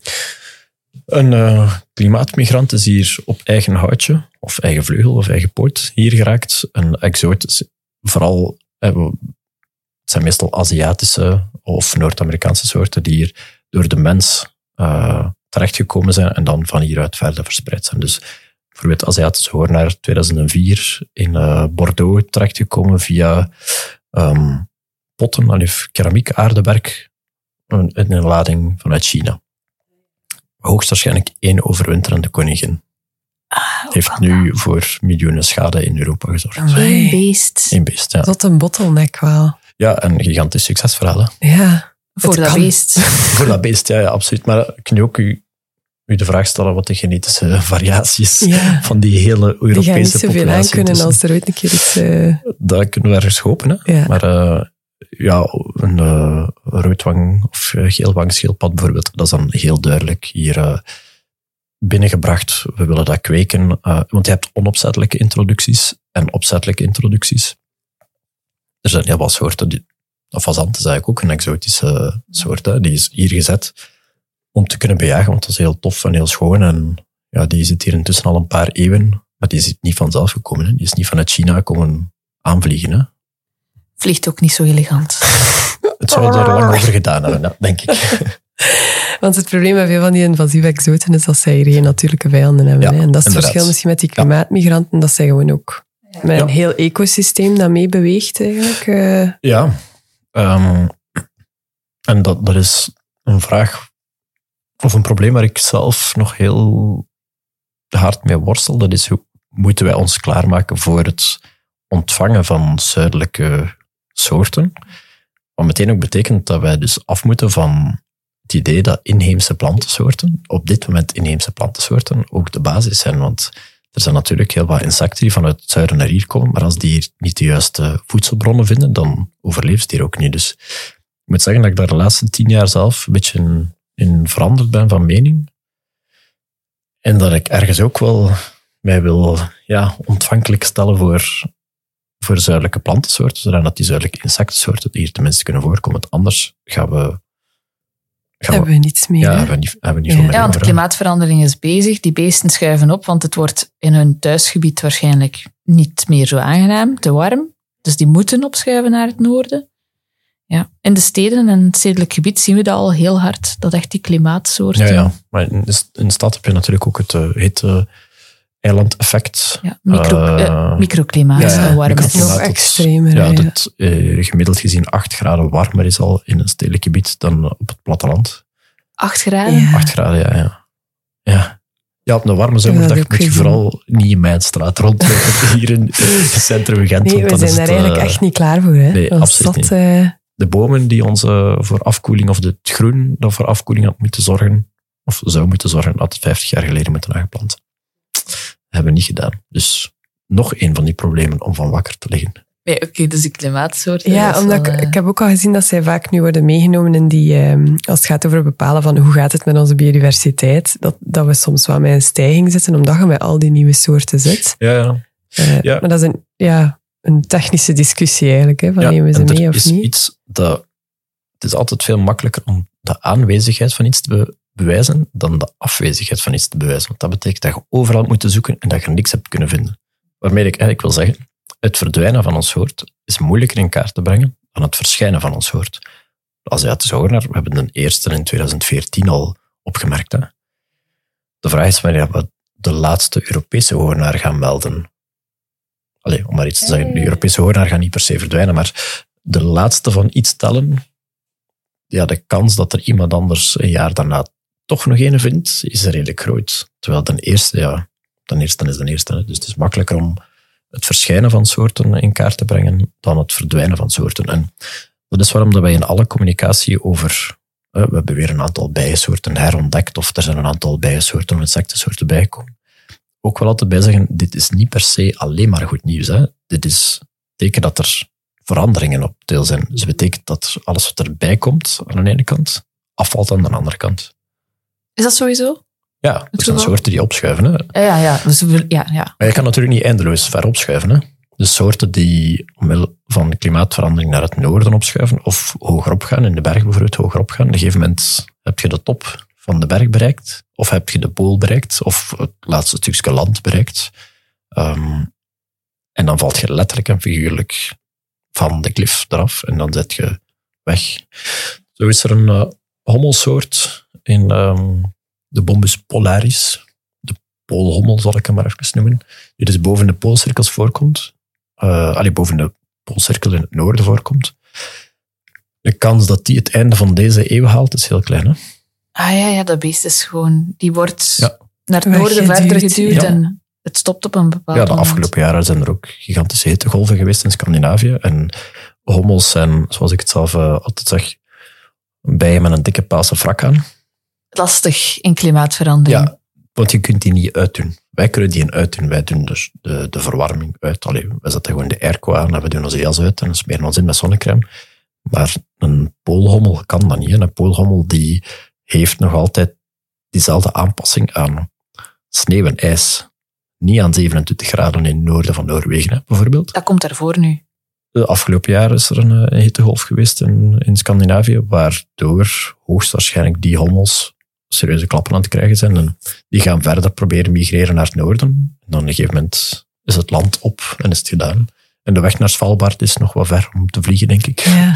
Dus eh, ja, op een gegeven moment is het daar gedaan. En dat zijn de soorten die we... Dat zijn de meest opvallende gevallen De ijsberen. Voilà, de ijsberen onder de hommels. Of de ijsberen onder de ijsberen. Die gaan we het snelste kwijtspelen. Maar eigenlijk zegt dat gewoon iets over het hele patroon. En het patroon betekent per definitie dat er alleen maar verliezers zijn. Want rond de evenaar wordt het te heet voor een aantal soorten. Die schuiven op. En het opschuiven is niet altijd even simpel, want je moet mobiel genoeg zijn. Ehm, er moet je landgebruik, je planten en zo, moet het allemaal zijn op Ja. andere... Je interacties worden Ja. verstoord ook. Ja, je hebt absoluut. soorten die, planten migreren misschien trager dan je, dan je vliegende insecten. Ja. En dan krijg je een mismatch. Dan krijg je bijvoorbeeld ook bij onze trekvogels zien we dat die, dat die vroeger aan het terugkomen zijn. Ehm, maar goed, ja, dan moet er ook voedsel genoeg zijn. En dan soms is er echt een mismatch waar dat die vogels hier zijn en een week lang geen eten hebben. Of dat de, de eerste jongen een week lang geen eten hebben. Of dat er eh, rupsen zijn die, die uitgekomen zijn, uit de eitjes gekomen zijn omdat, ze, omdat het warm genoeg is. Maar dan zijn er nog geen bladeren aan de bomen. En ja, ons systeem is, eh, wordt stevig aan geschud. En ja, het negatieve nieuws is dus dat er alleen maar verliezers kunnen zijn. Het is, het is heel belangrijk dat we een heel robuust ecosysteem hebben dat tegen een stootje kan. Absoluut. Hoe robuuster je systemen, hoe beter ze tegen klimaatverandering kunnen en hoe beter ze om kunnen met invasieve exoten ook. Ah ja, dat ze die niet zomaar invasief laten zijn. Ja, klopt. En natuurlijk, eh, Vlaanderen heeft op dat vlak jammer genoeg weinig heel robuuste systemen, want wij zijn een beetje die versnippering, eh, wat ons wat positieve, allee, wat positieve gevolgen heeft, maar dat er ook voor zorgt dat we geen echt hele grote, robuuste, intacte ecosystemen meer hebben. Behalve lintbebouwing. Maar dat is geen officieel ecosysteem, vrees ik. Want robuustheid, dat gaat dan over je aantal soorten, de grootte van je systeem, de, Ja. de De- natuurlijke toestand eigenlijk. En de buffering, eh, hè. Ja, de bufferende buffering. capaciteiten daarvan. Hè.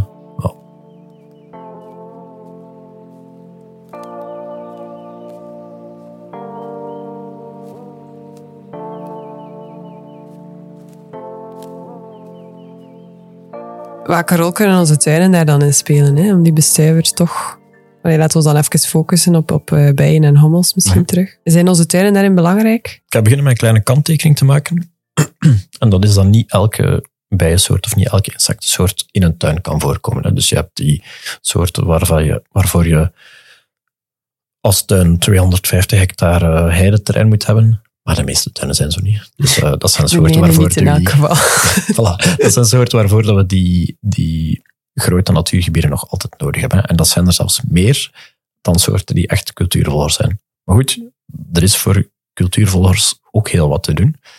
Ehm, op vlak van bijen herhaal ik ook even de boodschap die Maxime hier eerder had gegeven. Begin met je planten. Zorg voor het eten, de nectar en stuifmeel voor je wilde bijen. Nectar is dus voedsel eh, of energie voor de volwassen dieren. De stuifmeel is de eiwitbron voor de larven. Maar ze zijn alle twee even belangrijk. Ehm, nectar kan je in principe eigenlijk met ook uitheemse planten voorzien. Terwijl die eh, link naar inheemse planten is vooral op vlak van stuifmeel. Met andere woorden, onkruid is superbelangrijk voor onze bijen. Ah.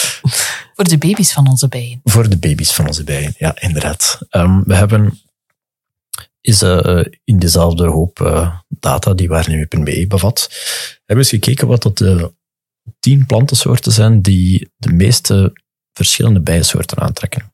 Ehm, als een soort mate van waarom eh, is een plant heel geschikt of niet geschikt. Gaan jullie even raden wel- welke soort er op nummer 1 staat? Ik denk een distel.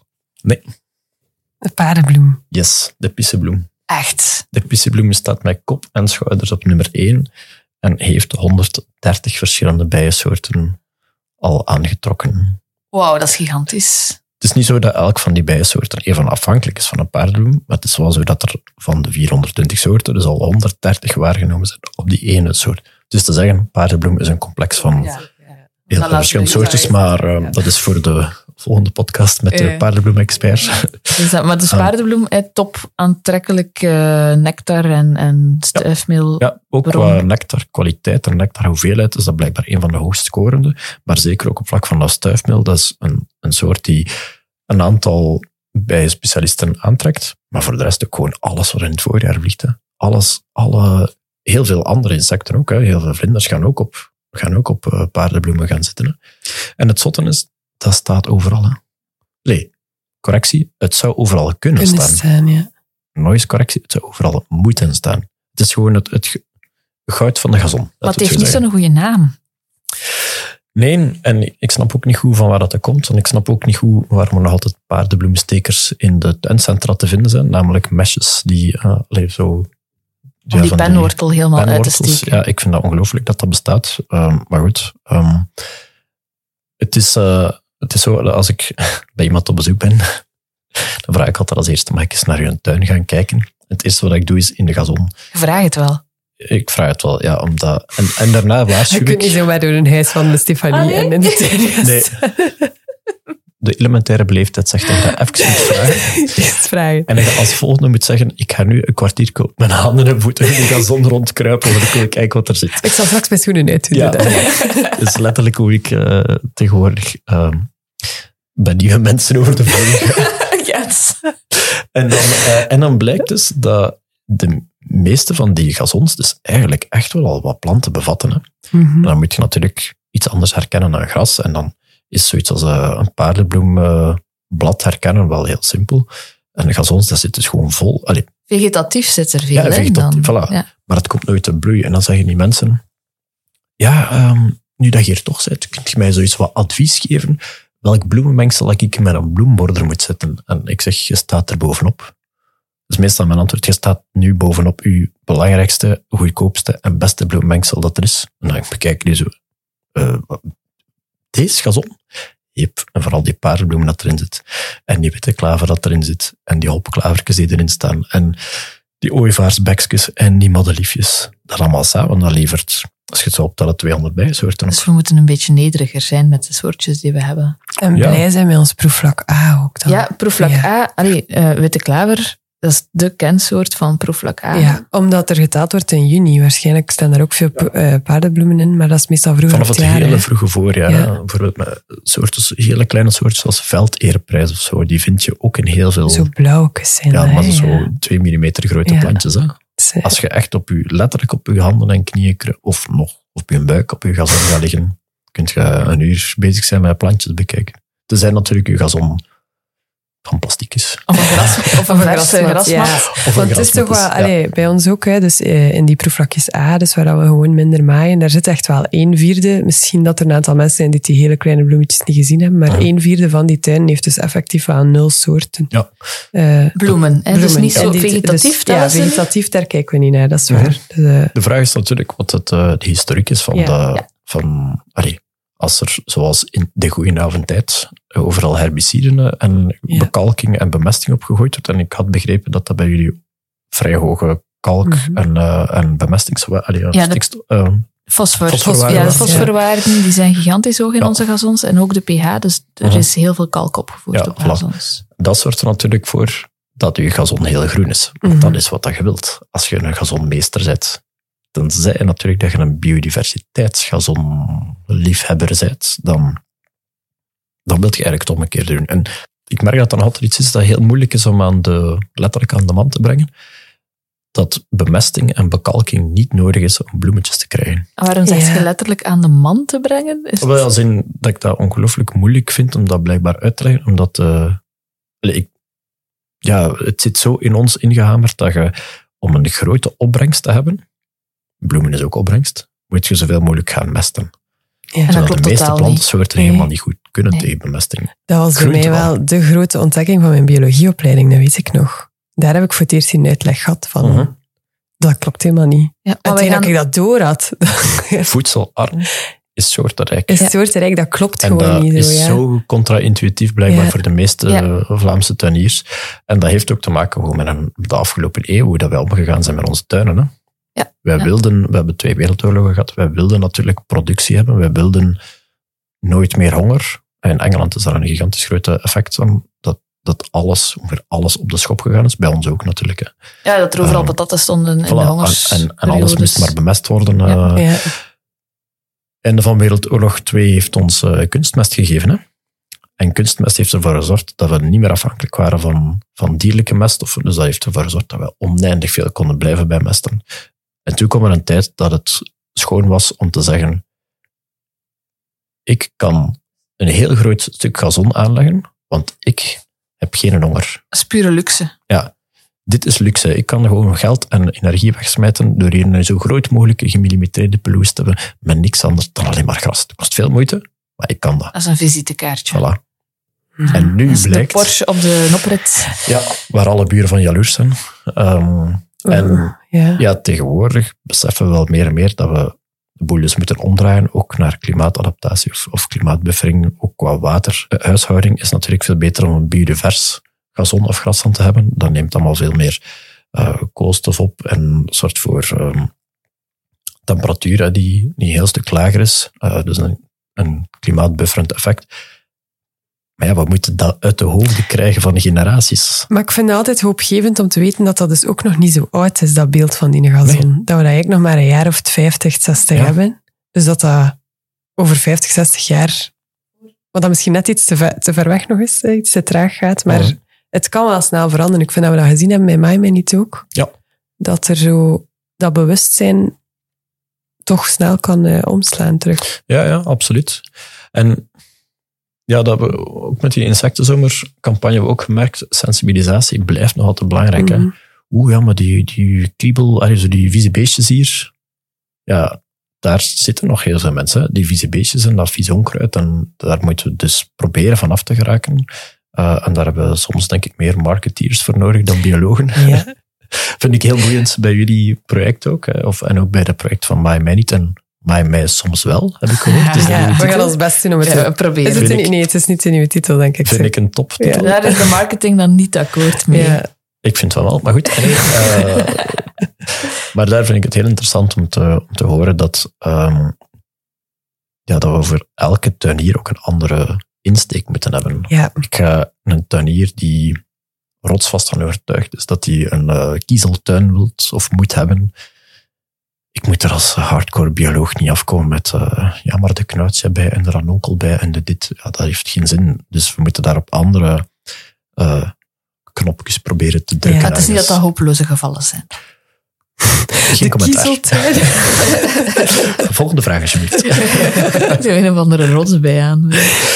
Ja, Wel, ik heb eh, ehm, een tijdje geleden een interview ehm, effectief het gehad over het feit dat de tegeltuin bij bestaat niet, maar de grasbij wel. Dus ontharden, we zien ook wel een aantal eh, leuke, al grote onthardingsprojecten. dat is ook, die, ook de stap vooruit. Hè. Dat is ook weer een stukje die mentaliteit van de laatste 50 jaar omdraaien. Hè. We zijn goed bezig. We hebben wel nog wat werk. Maar hier in onze groene bubbel is het goed, hè? Ja, dat is heel tof, ja. sowieso. Zal ik nog een paar andere soorten het top Ja. 10 eh, op- Ja. De onkruid top 10. Ah, wel, of nee, de, gewoon de, de top 10. Wat En is, het, wat is het goorste onkruid waar je kunt aan denken? Dus, dat blijft onder ons. Goor onkruid bestaat niet, maar eh, Nee. Ik, oh. Vraag dat aan mijn man en die gaat zeggen... Ja. eh, wacht, hoe noemt hij nu weer? Dat met dat wit trompetteke. Ik ben in zijn naam ah, kwijt. windes. Wind. Nee, nee. Oeh. De andere, andere soorten. De Ja, akkerdistel bijvoorbeeld. Distels, ja. Ik zou ook, ja. Plaats drie. Maar dat zoomt, hè. Ja, natuurlijk zoomt dat. Ja, ja. Dat, dat produceert keiveel nectar waarschijnlijk. Dus, eh, sorry, eh, plaats vier. Dus dat zijn de 78 bijensoorten. bloemensoorten eigenlijk. Die top 10 van de bloemensoorten, hè? Mhm. Ja, ja, we zijn nog Ja. onkruid, eh, het Onkruid, bijen- ja, ja. bijenvriendelijk onkruid. Ja. Eh, dus één paardenbloem, twee braam, drie knoopkruid. Een soort die ook wel veel in bloemrijke Knoopkruid als... Ja, Ja. oké. En bloemborders en zo, kan ook wel. Eh, plaats vier akkerdissen. Plaats vijf, nog zo'n toffe, Jacobs kruiskruid. Oef, Ja. dat is gevoelig. De paardeneigenaar heeft die Inderdaad, niet heel graag. gevoelig, maar 75 bijensoorten zijn daarvan Ja. afhankelijk. Of zijn er al op waargenomen. Dat is niet alleen dat beestje met die pyjama-rups. Nope. Ja. Want er Nee, zit een nee, heel nee. mooie geel-zwarte Ja. rups op. Ja, Jacobs, eh, Ja. Sint-Jacobs vlinder. Ja. Eh, een beetje de paardenbloem van de zomer, zeg maar. Daar komen heel veel vragen over binnen. Mensen die zeggen, oh, ik heb veel bijgekruid, ik vind dat niet zo leuk. Eh, Omdat dat zo plat... Ja, ik vind dat ook niet zo mooi. Zet hem als een Dat rozetje. Ja, zet hem zo plat. geweldig. En dan staat daar zo niets rond. En dan is dat zo ene steel. Maar is het groen of niet? Het is groen, het is zwaar. En geel? Loslaten. En zoomt het? Ja. Oké, dat was alles wat je moest weten. Sorry. Eh, de Margriet staat op plaats 7. eh, dan slangenkruid. Ah. Ehm, Ja. het zit ook in ons plant. mengsel, hè, Ja, slangenkruid. zo een Zuiderse soort. Ja, vooral ook een warmteminnende soort. Een beetje stenige gebieden. Ja. Zo wat, ja, ik associeer die altijd met, de met spoorweg. Spoorwegen, Spoorwegen of, of de haven van Antwerpen. En zo. Daar staat echt kilometers lange... Misschien in de kiezeltuin? Slangen. Ja, oké, als we dan toch over. Ja, goed, de slangenkruidtuin. Deal. Eh, en dan negen is berenklauw, gewoon een berenklauw. Oeh. Ja. En tien het zandblauwtje. Oh, die is leuk. Zo'n bolletje is dat, Zo'n klein eh, plantje dat op eh, ja, zandige bodem staat. Van de, vreemd genoeg van de familie van de klokjes. Ah. Ja, dat slaat op lijkt niets, het hè. niet Dat lijkt totaal niet op een klokje. Ja, want dat viel mij op. Bijna allemaal composieten. Logisch ook, hè? Ehm, Wel wat. Die hebben hè. veel bloemen dan. Ja. Maar eh, er zitten ook wel, eh, in de top 25 dan zitten ook wel wat vlinderbloemigen bijvoorbeeld. Eh, weinig libbloemigen. Dat zijn de plantenfamilies. Ja.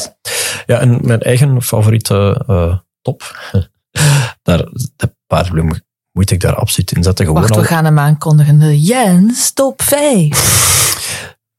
Mag ik ook zes? Of zeven? De Jens top 6. 7, Ja. 8. Nee, ik ga er een aantal ehm, uithalen, maar ik ga ook uitleggen waarom. Niet gewoon wat namen opnoemen, maar ook eh, waarom dat ze volgens mij absoluut een, een plaatsje verdienen. Paardenbloem, ja, die staat voor mij op nummer 1, of die moet absoluut in die top 10 staan. Ehm, of in de top 5, whatever. Omdat die, het is een composiet, het is een heel makkelijke soort. Ehm, er is een complex van soorten, dus eender welke bodem kan en zal en heeft paardenbloem. Je moet daar niks voor doen. Hij zaait heel makkelijk.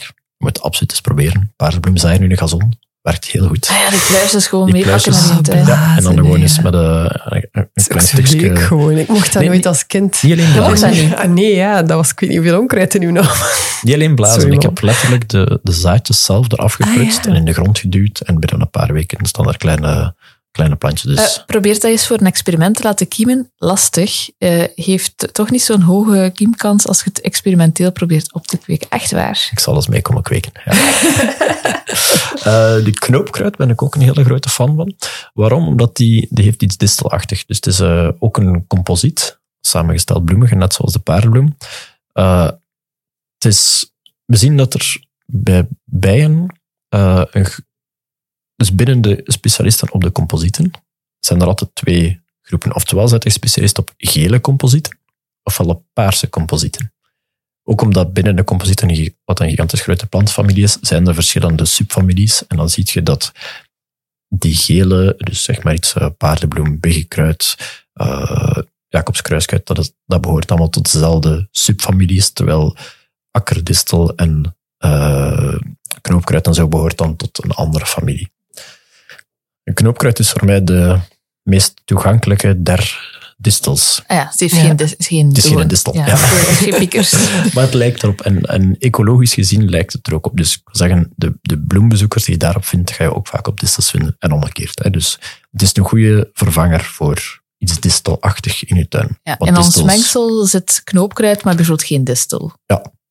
Wat ik heel hard snap. Ik ben zelf fan van distels, maar ik ga hier zelfs in deze podcast niet durven bewegen. Allee, ik ga geen promotie voeren voor Er zijn grenzen, hè, Jens. de grenzen der fatsoen.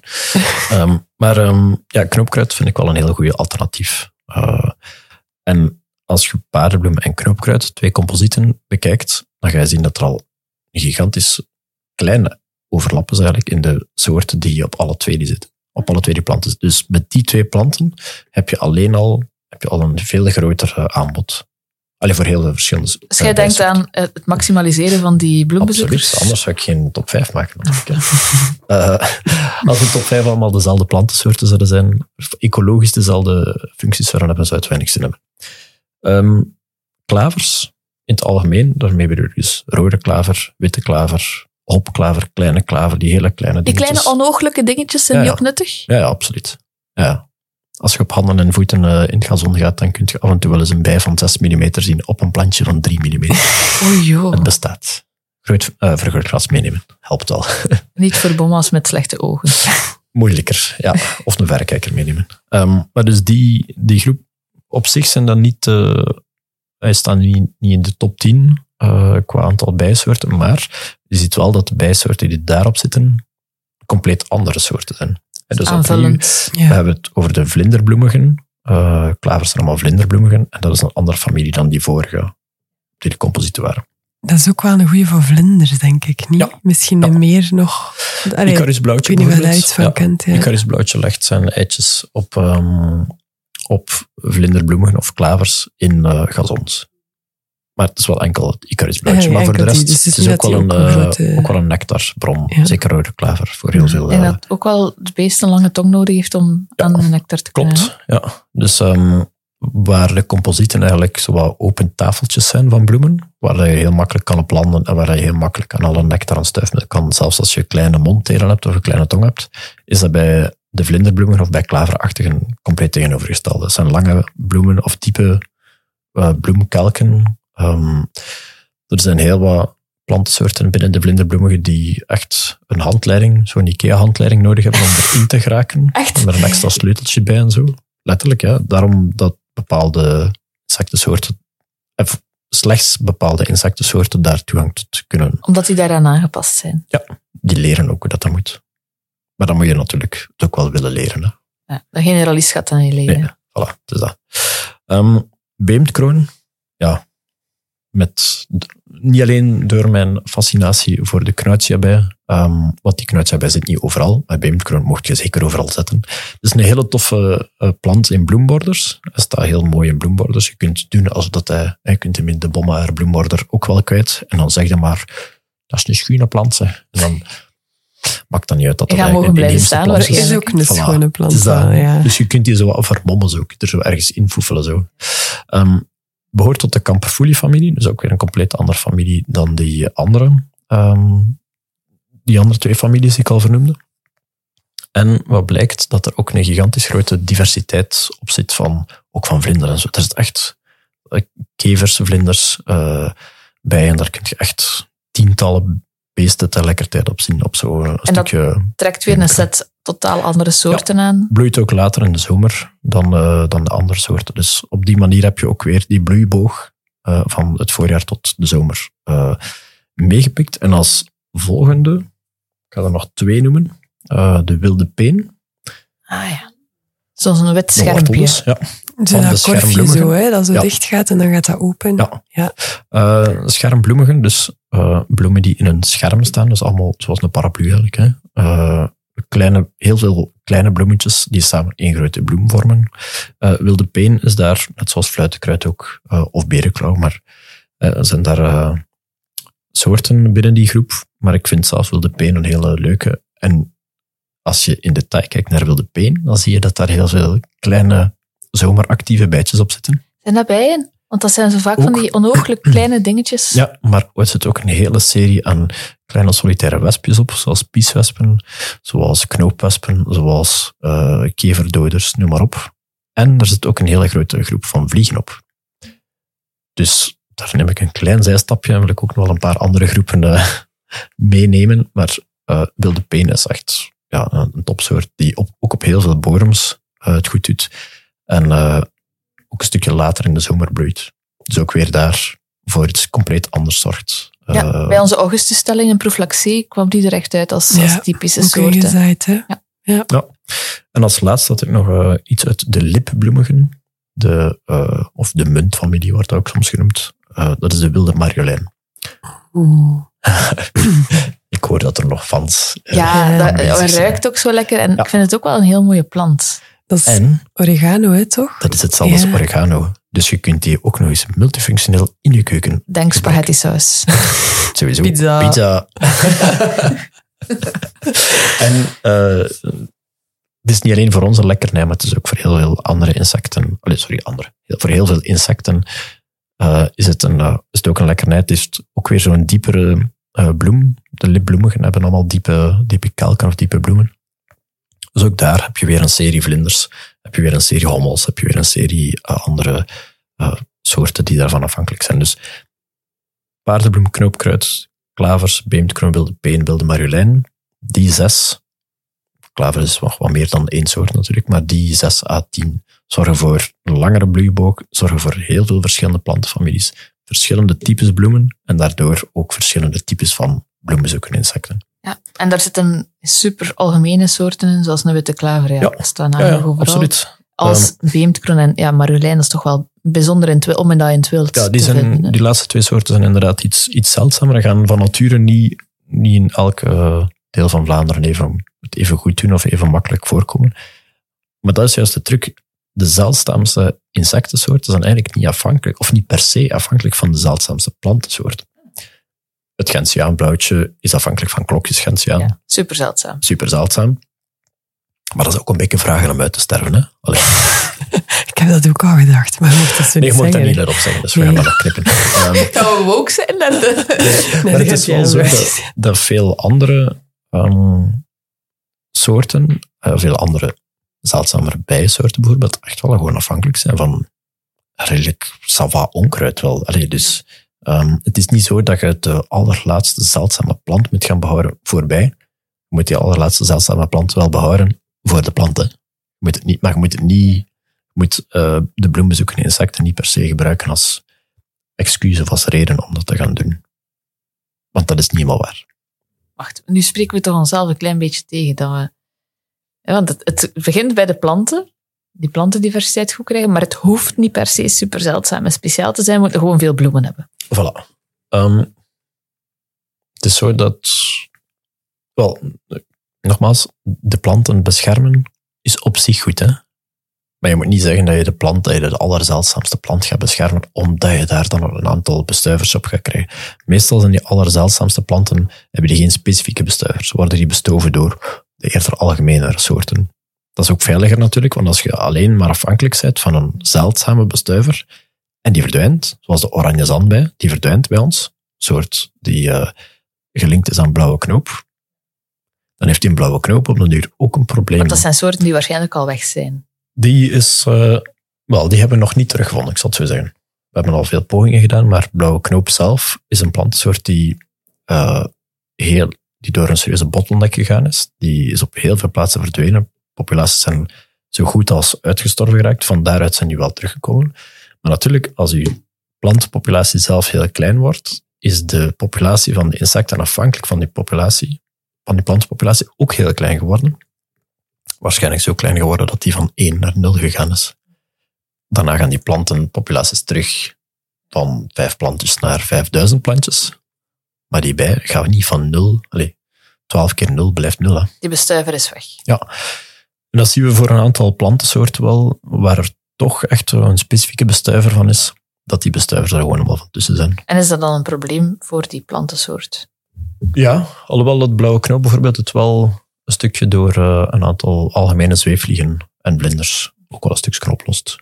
Maar goed, ja, het systeem waarin dat we zoveel mogelijk, het robuust systeem, systeem met zoveel mogelijk planten en zoveel mogelijk bestuivers, is natuurlijk een veiliger systeem dan systeem waar dat we het, ah, afhankelijk zijn van één enkele plant of één enkele bestuiver. Hè. Ja, en sowieso is het gewoon denk ik een belangrijke boodschap dat je in die tuinen wel heel veel soorten kunt helpen. Dat, want die zeldzaamheden, dat verwachten we ook niet, hè, dat dat gaat opduiken. Die extreem zeldzame soorten. Hier en daar gebeurt En dat soms kunnen we verrast worden. of zo, maar eh, het belangrijk is dat we, dat we heel veel bestuivers ook gewoon in ons tuinen kunnen helpen met vrij algemene soorten, Mm. denk ik. Het gaat hem niet alleen Dus- over de zeldzaamste soorten, inderdaad. Hè. Het gaat hem ook soms een stukje over de bulk. Ah, massaliteit. Massaliteit, inderdaad. Oh, mooi woord. Mooi woord, hè? cool. Uit Nederland, denk Ja. ik. Bulk vind ik ook wel tof, maar eh, Dat is zo Vlaams. bulk. Ehm, daarmee bedoel ik dat het... even terug naar de klokjesbijen. Klokjesbijen, afhankelijk van het stuifmiddel van klokjes, die hebben wel x aantal planten nodig. Die zijn niet content met gewoon maar drie plantjes. Eh, als je echt een populatie wil gaan ondersteunen in jouw eigen tuin, dus dat ze niet bij de buren met een eh, kiezeltuin en met een eh, kunstgras moeten gaan tanken, want daar is helemaal niks te vinden, dan moet je wel voor zorgen dat je van bijvoorbeeld die klokjes een voldoende grote populatie, plantenpopulatie voorhanden hebt, zodanig dat er stuifmiddel genoeg is voor die bijen. En dat gaat eigenlijk vaak om een aantal tientallen planten. Dus ik ben zelf een stukje afgestapt om in mijn tuin zoveel mogelijk plantensoorten te voorzien. Ik probeer eerder van een aantal goede plantensoorten, ehm, die sowieso top zijn en die sowieso veel insectensoorten aan te trekken, om daar zo wat bulk, massaliteit te voor voorzien. En dus echt wel, ja, ik woon nu in een, in een tuin, of in een huis met een klein tuintje hier in, in het Gentse, maar eh liefst al heb ik eigenlijk vijf vierkante meter van elk van die goede soorten. Hè.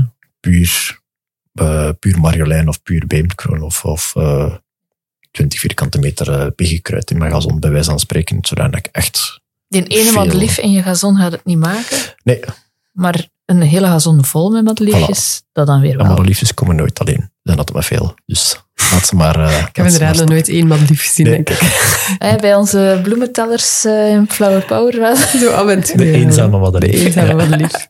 De rest staat naast de proefvlakken waarschijnlijk. Ah ja, typisch. Voilà, dat is goed. Laat die maar staan dan. En, en zorg maar vooral voor die, voor die massa, die massaliteit. Want uiteindelijk hebben we met al onze pogingen, zijn wij nog maar een fractie aan het herstellen van wat we ooit kwijtgeraakt zijn. hè. Het, het areaal aan bloemrijke graslanden, maar dat weten jullie ook, is in, is in Vlaanderen 95, 97 procent achteruit gegaan. Ik denk dat we minder dan 1% van onze landoppervlakte hebben aan bloemrijk Ja. grasland. Ja, dus er is nog wel... We kunnen niet te veel doen. Het was veel meer. Hè. Het was, het was Ja. echt, eh, ja, dan laat er misschien dat 25% ja, ja. eh, van ons landoppervlak bloemrijk grasland was, want Dat- de grasland was daar gaan we ook nooit meer naar terug kunnen daar gaan. we moeten allee, we moeten ook niet onszelf geen blaadjes maken, maar ik denk dat de inspanningen die we kunnen doen, dat we daar zo hoog mogelijk moeten mikken. En, en dat een campagne zoals Mij Mij Niet, of Mij Mij soms wel, wat de titel ook is, dat die, die mag nog, die mag in elke gemeente van Vlaanderen, en die mag in elke hoofd van iedereen zitten. Alhoewel, mijn, mijn oma bijvoorbeeld, die zei eh, vorig jaar, ja maar eh, het, 30 mei of zo gingen ze dan toch een keer maaien. Ze zei, maar ja, ik weet dat dat niet mag van, de regering of zo.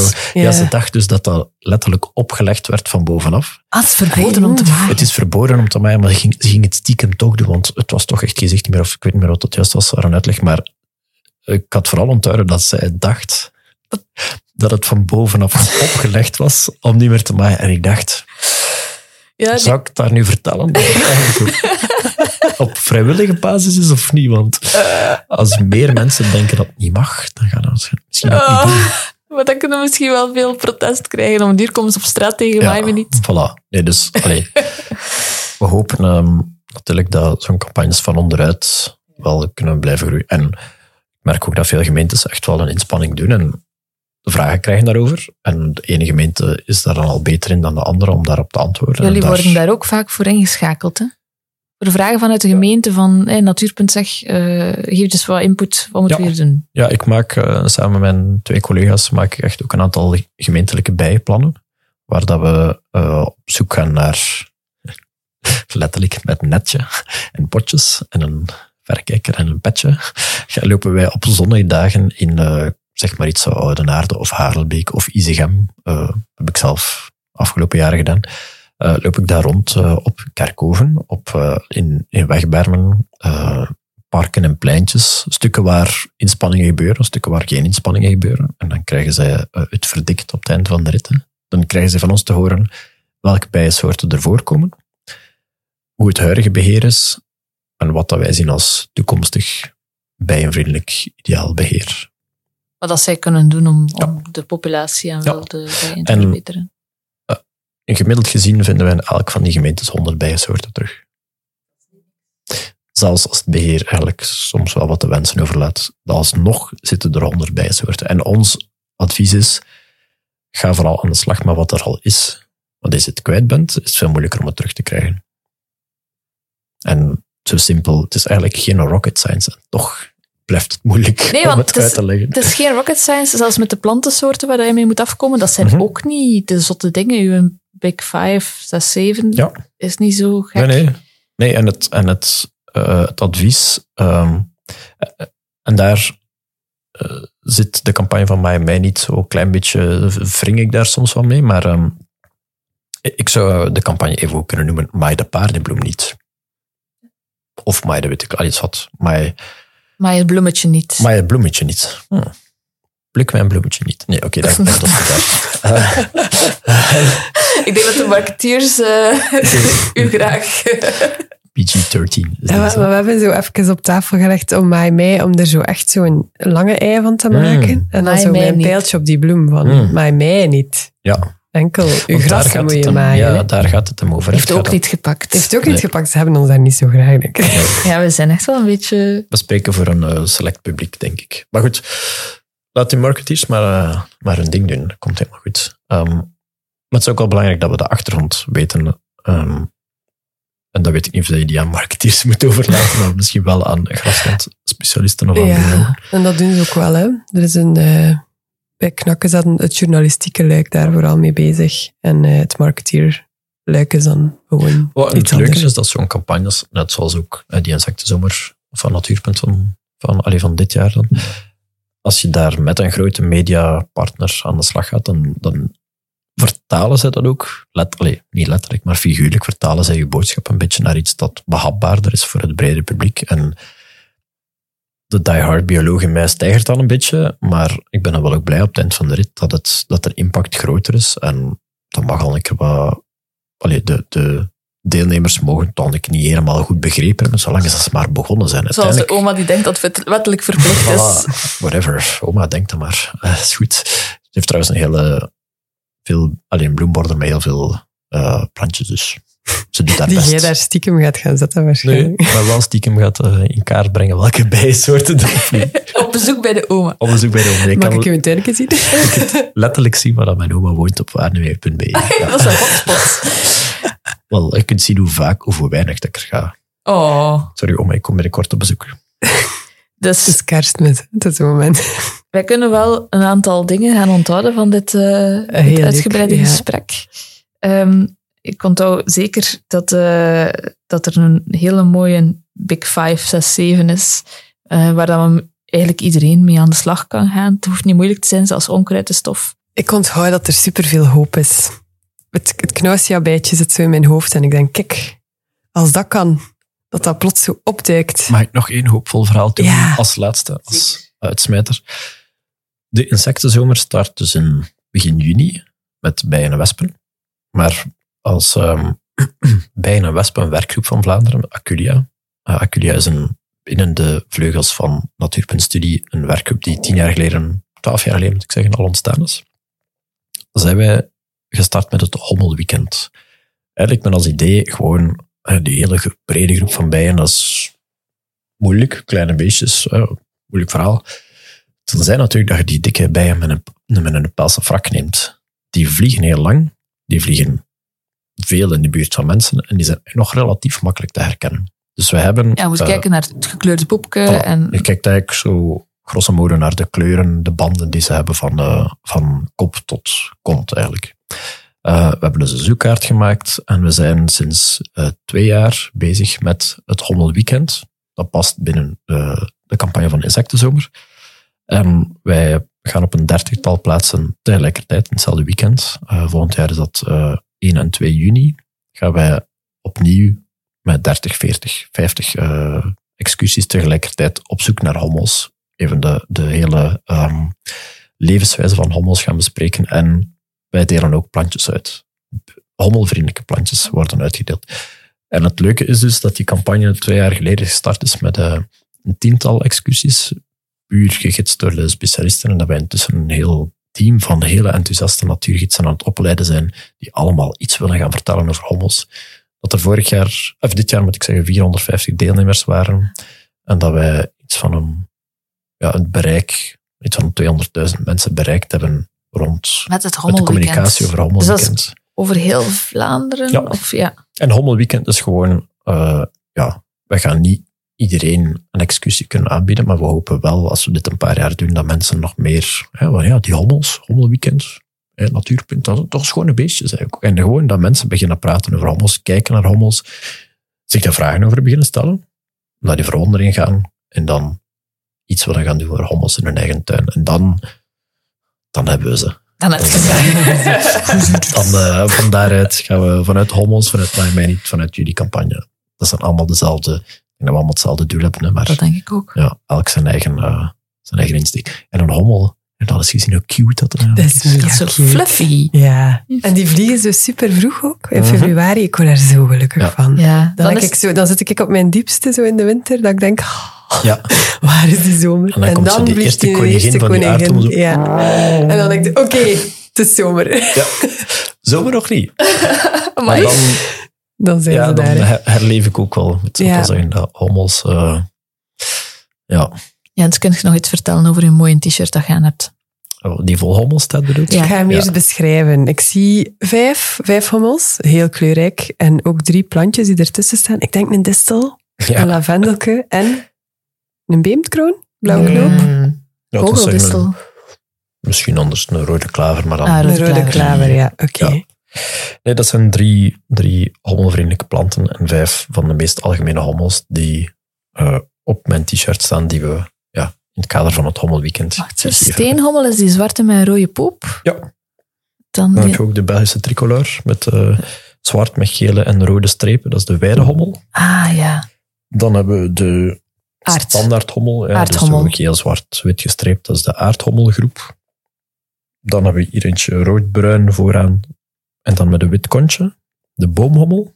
Die ook wel soms in eh, bijen... eh, sorry, in een En vogelnestkastje kan vogelkastjes, ja. En dan hebben we hier een die wat eh, oranje-bruinig is. Dat is de akkerhommel. Mijn top 5. Leuk. Ja. Op mijn lijf geschreven. Natuurlijk. Supermooi. Ehm ja, Jens, erg bedankt dat hij ons eh eventjes wou helemaal in de wereld van de wilde bijen brengen. Ook bijpraten. Bedoelt u? Heerlijk. Ja, fantastisch. Graag gedaan. Merci. Dank u wel. Hierbij zit onze derde en laatste aflevering van 2023 erop. Vind je dat gebabbel over bloemrijke graslandjes wel fijn? Beluister dan zeker onze andere afleveringen. Heb je suggesties voor een volgende podcastaflevering of zit je met een prangende vraag? Stuur ons een mailtje op flowerpower.hogent.be. Tot de volgende keer. Tot de volgende keer.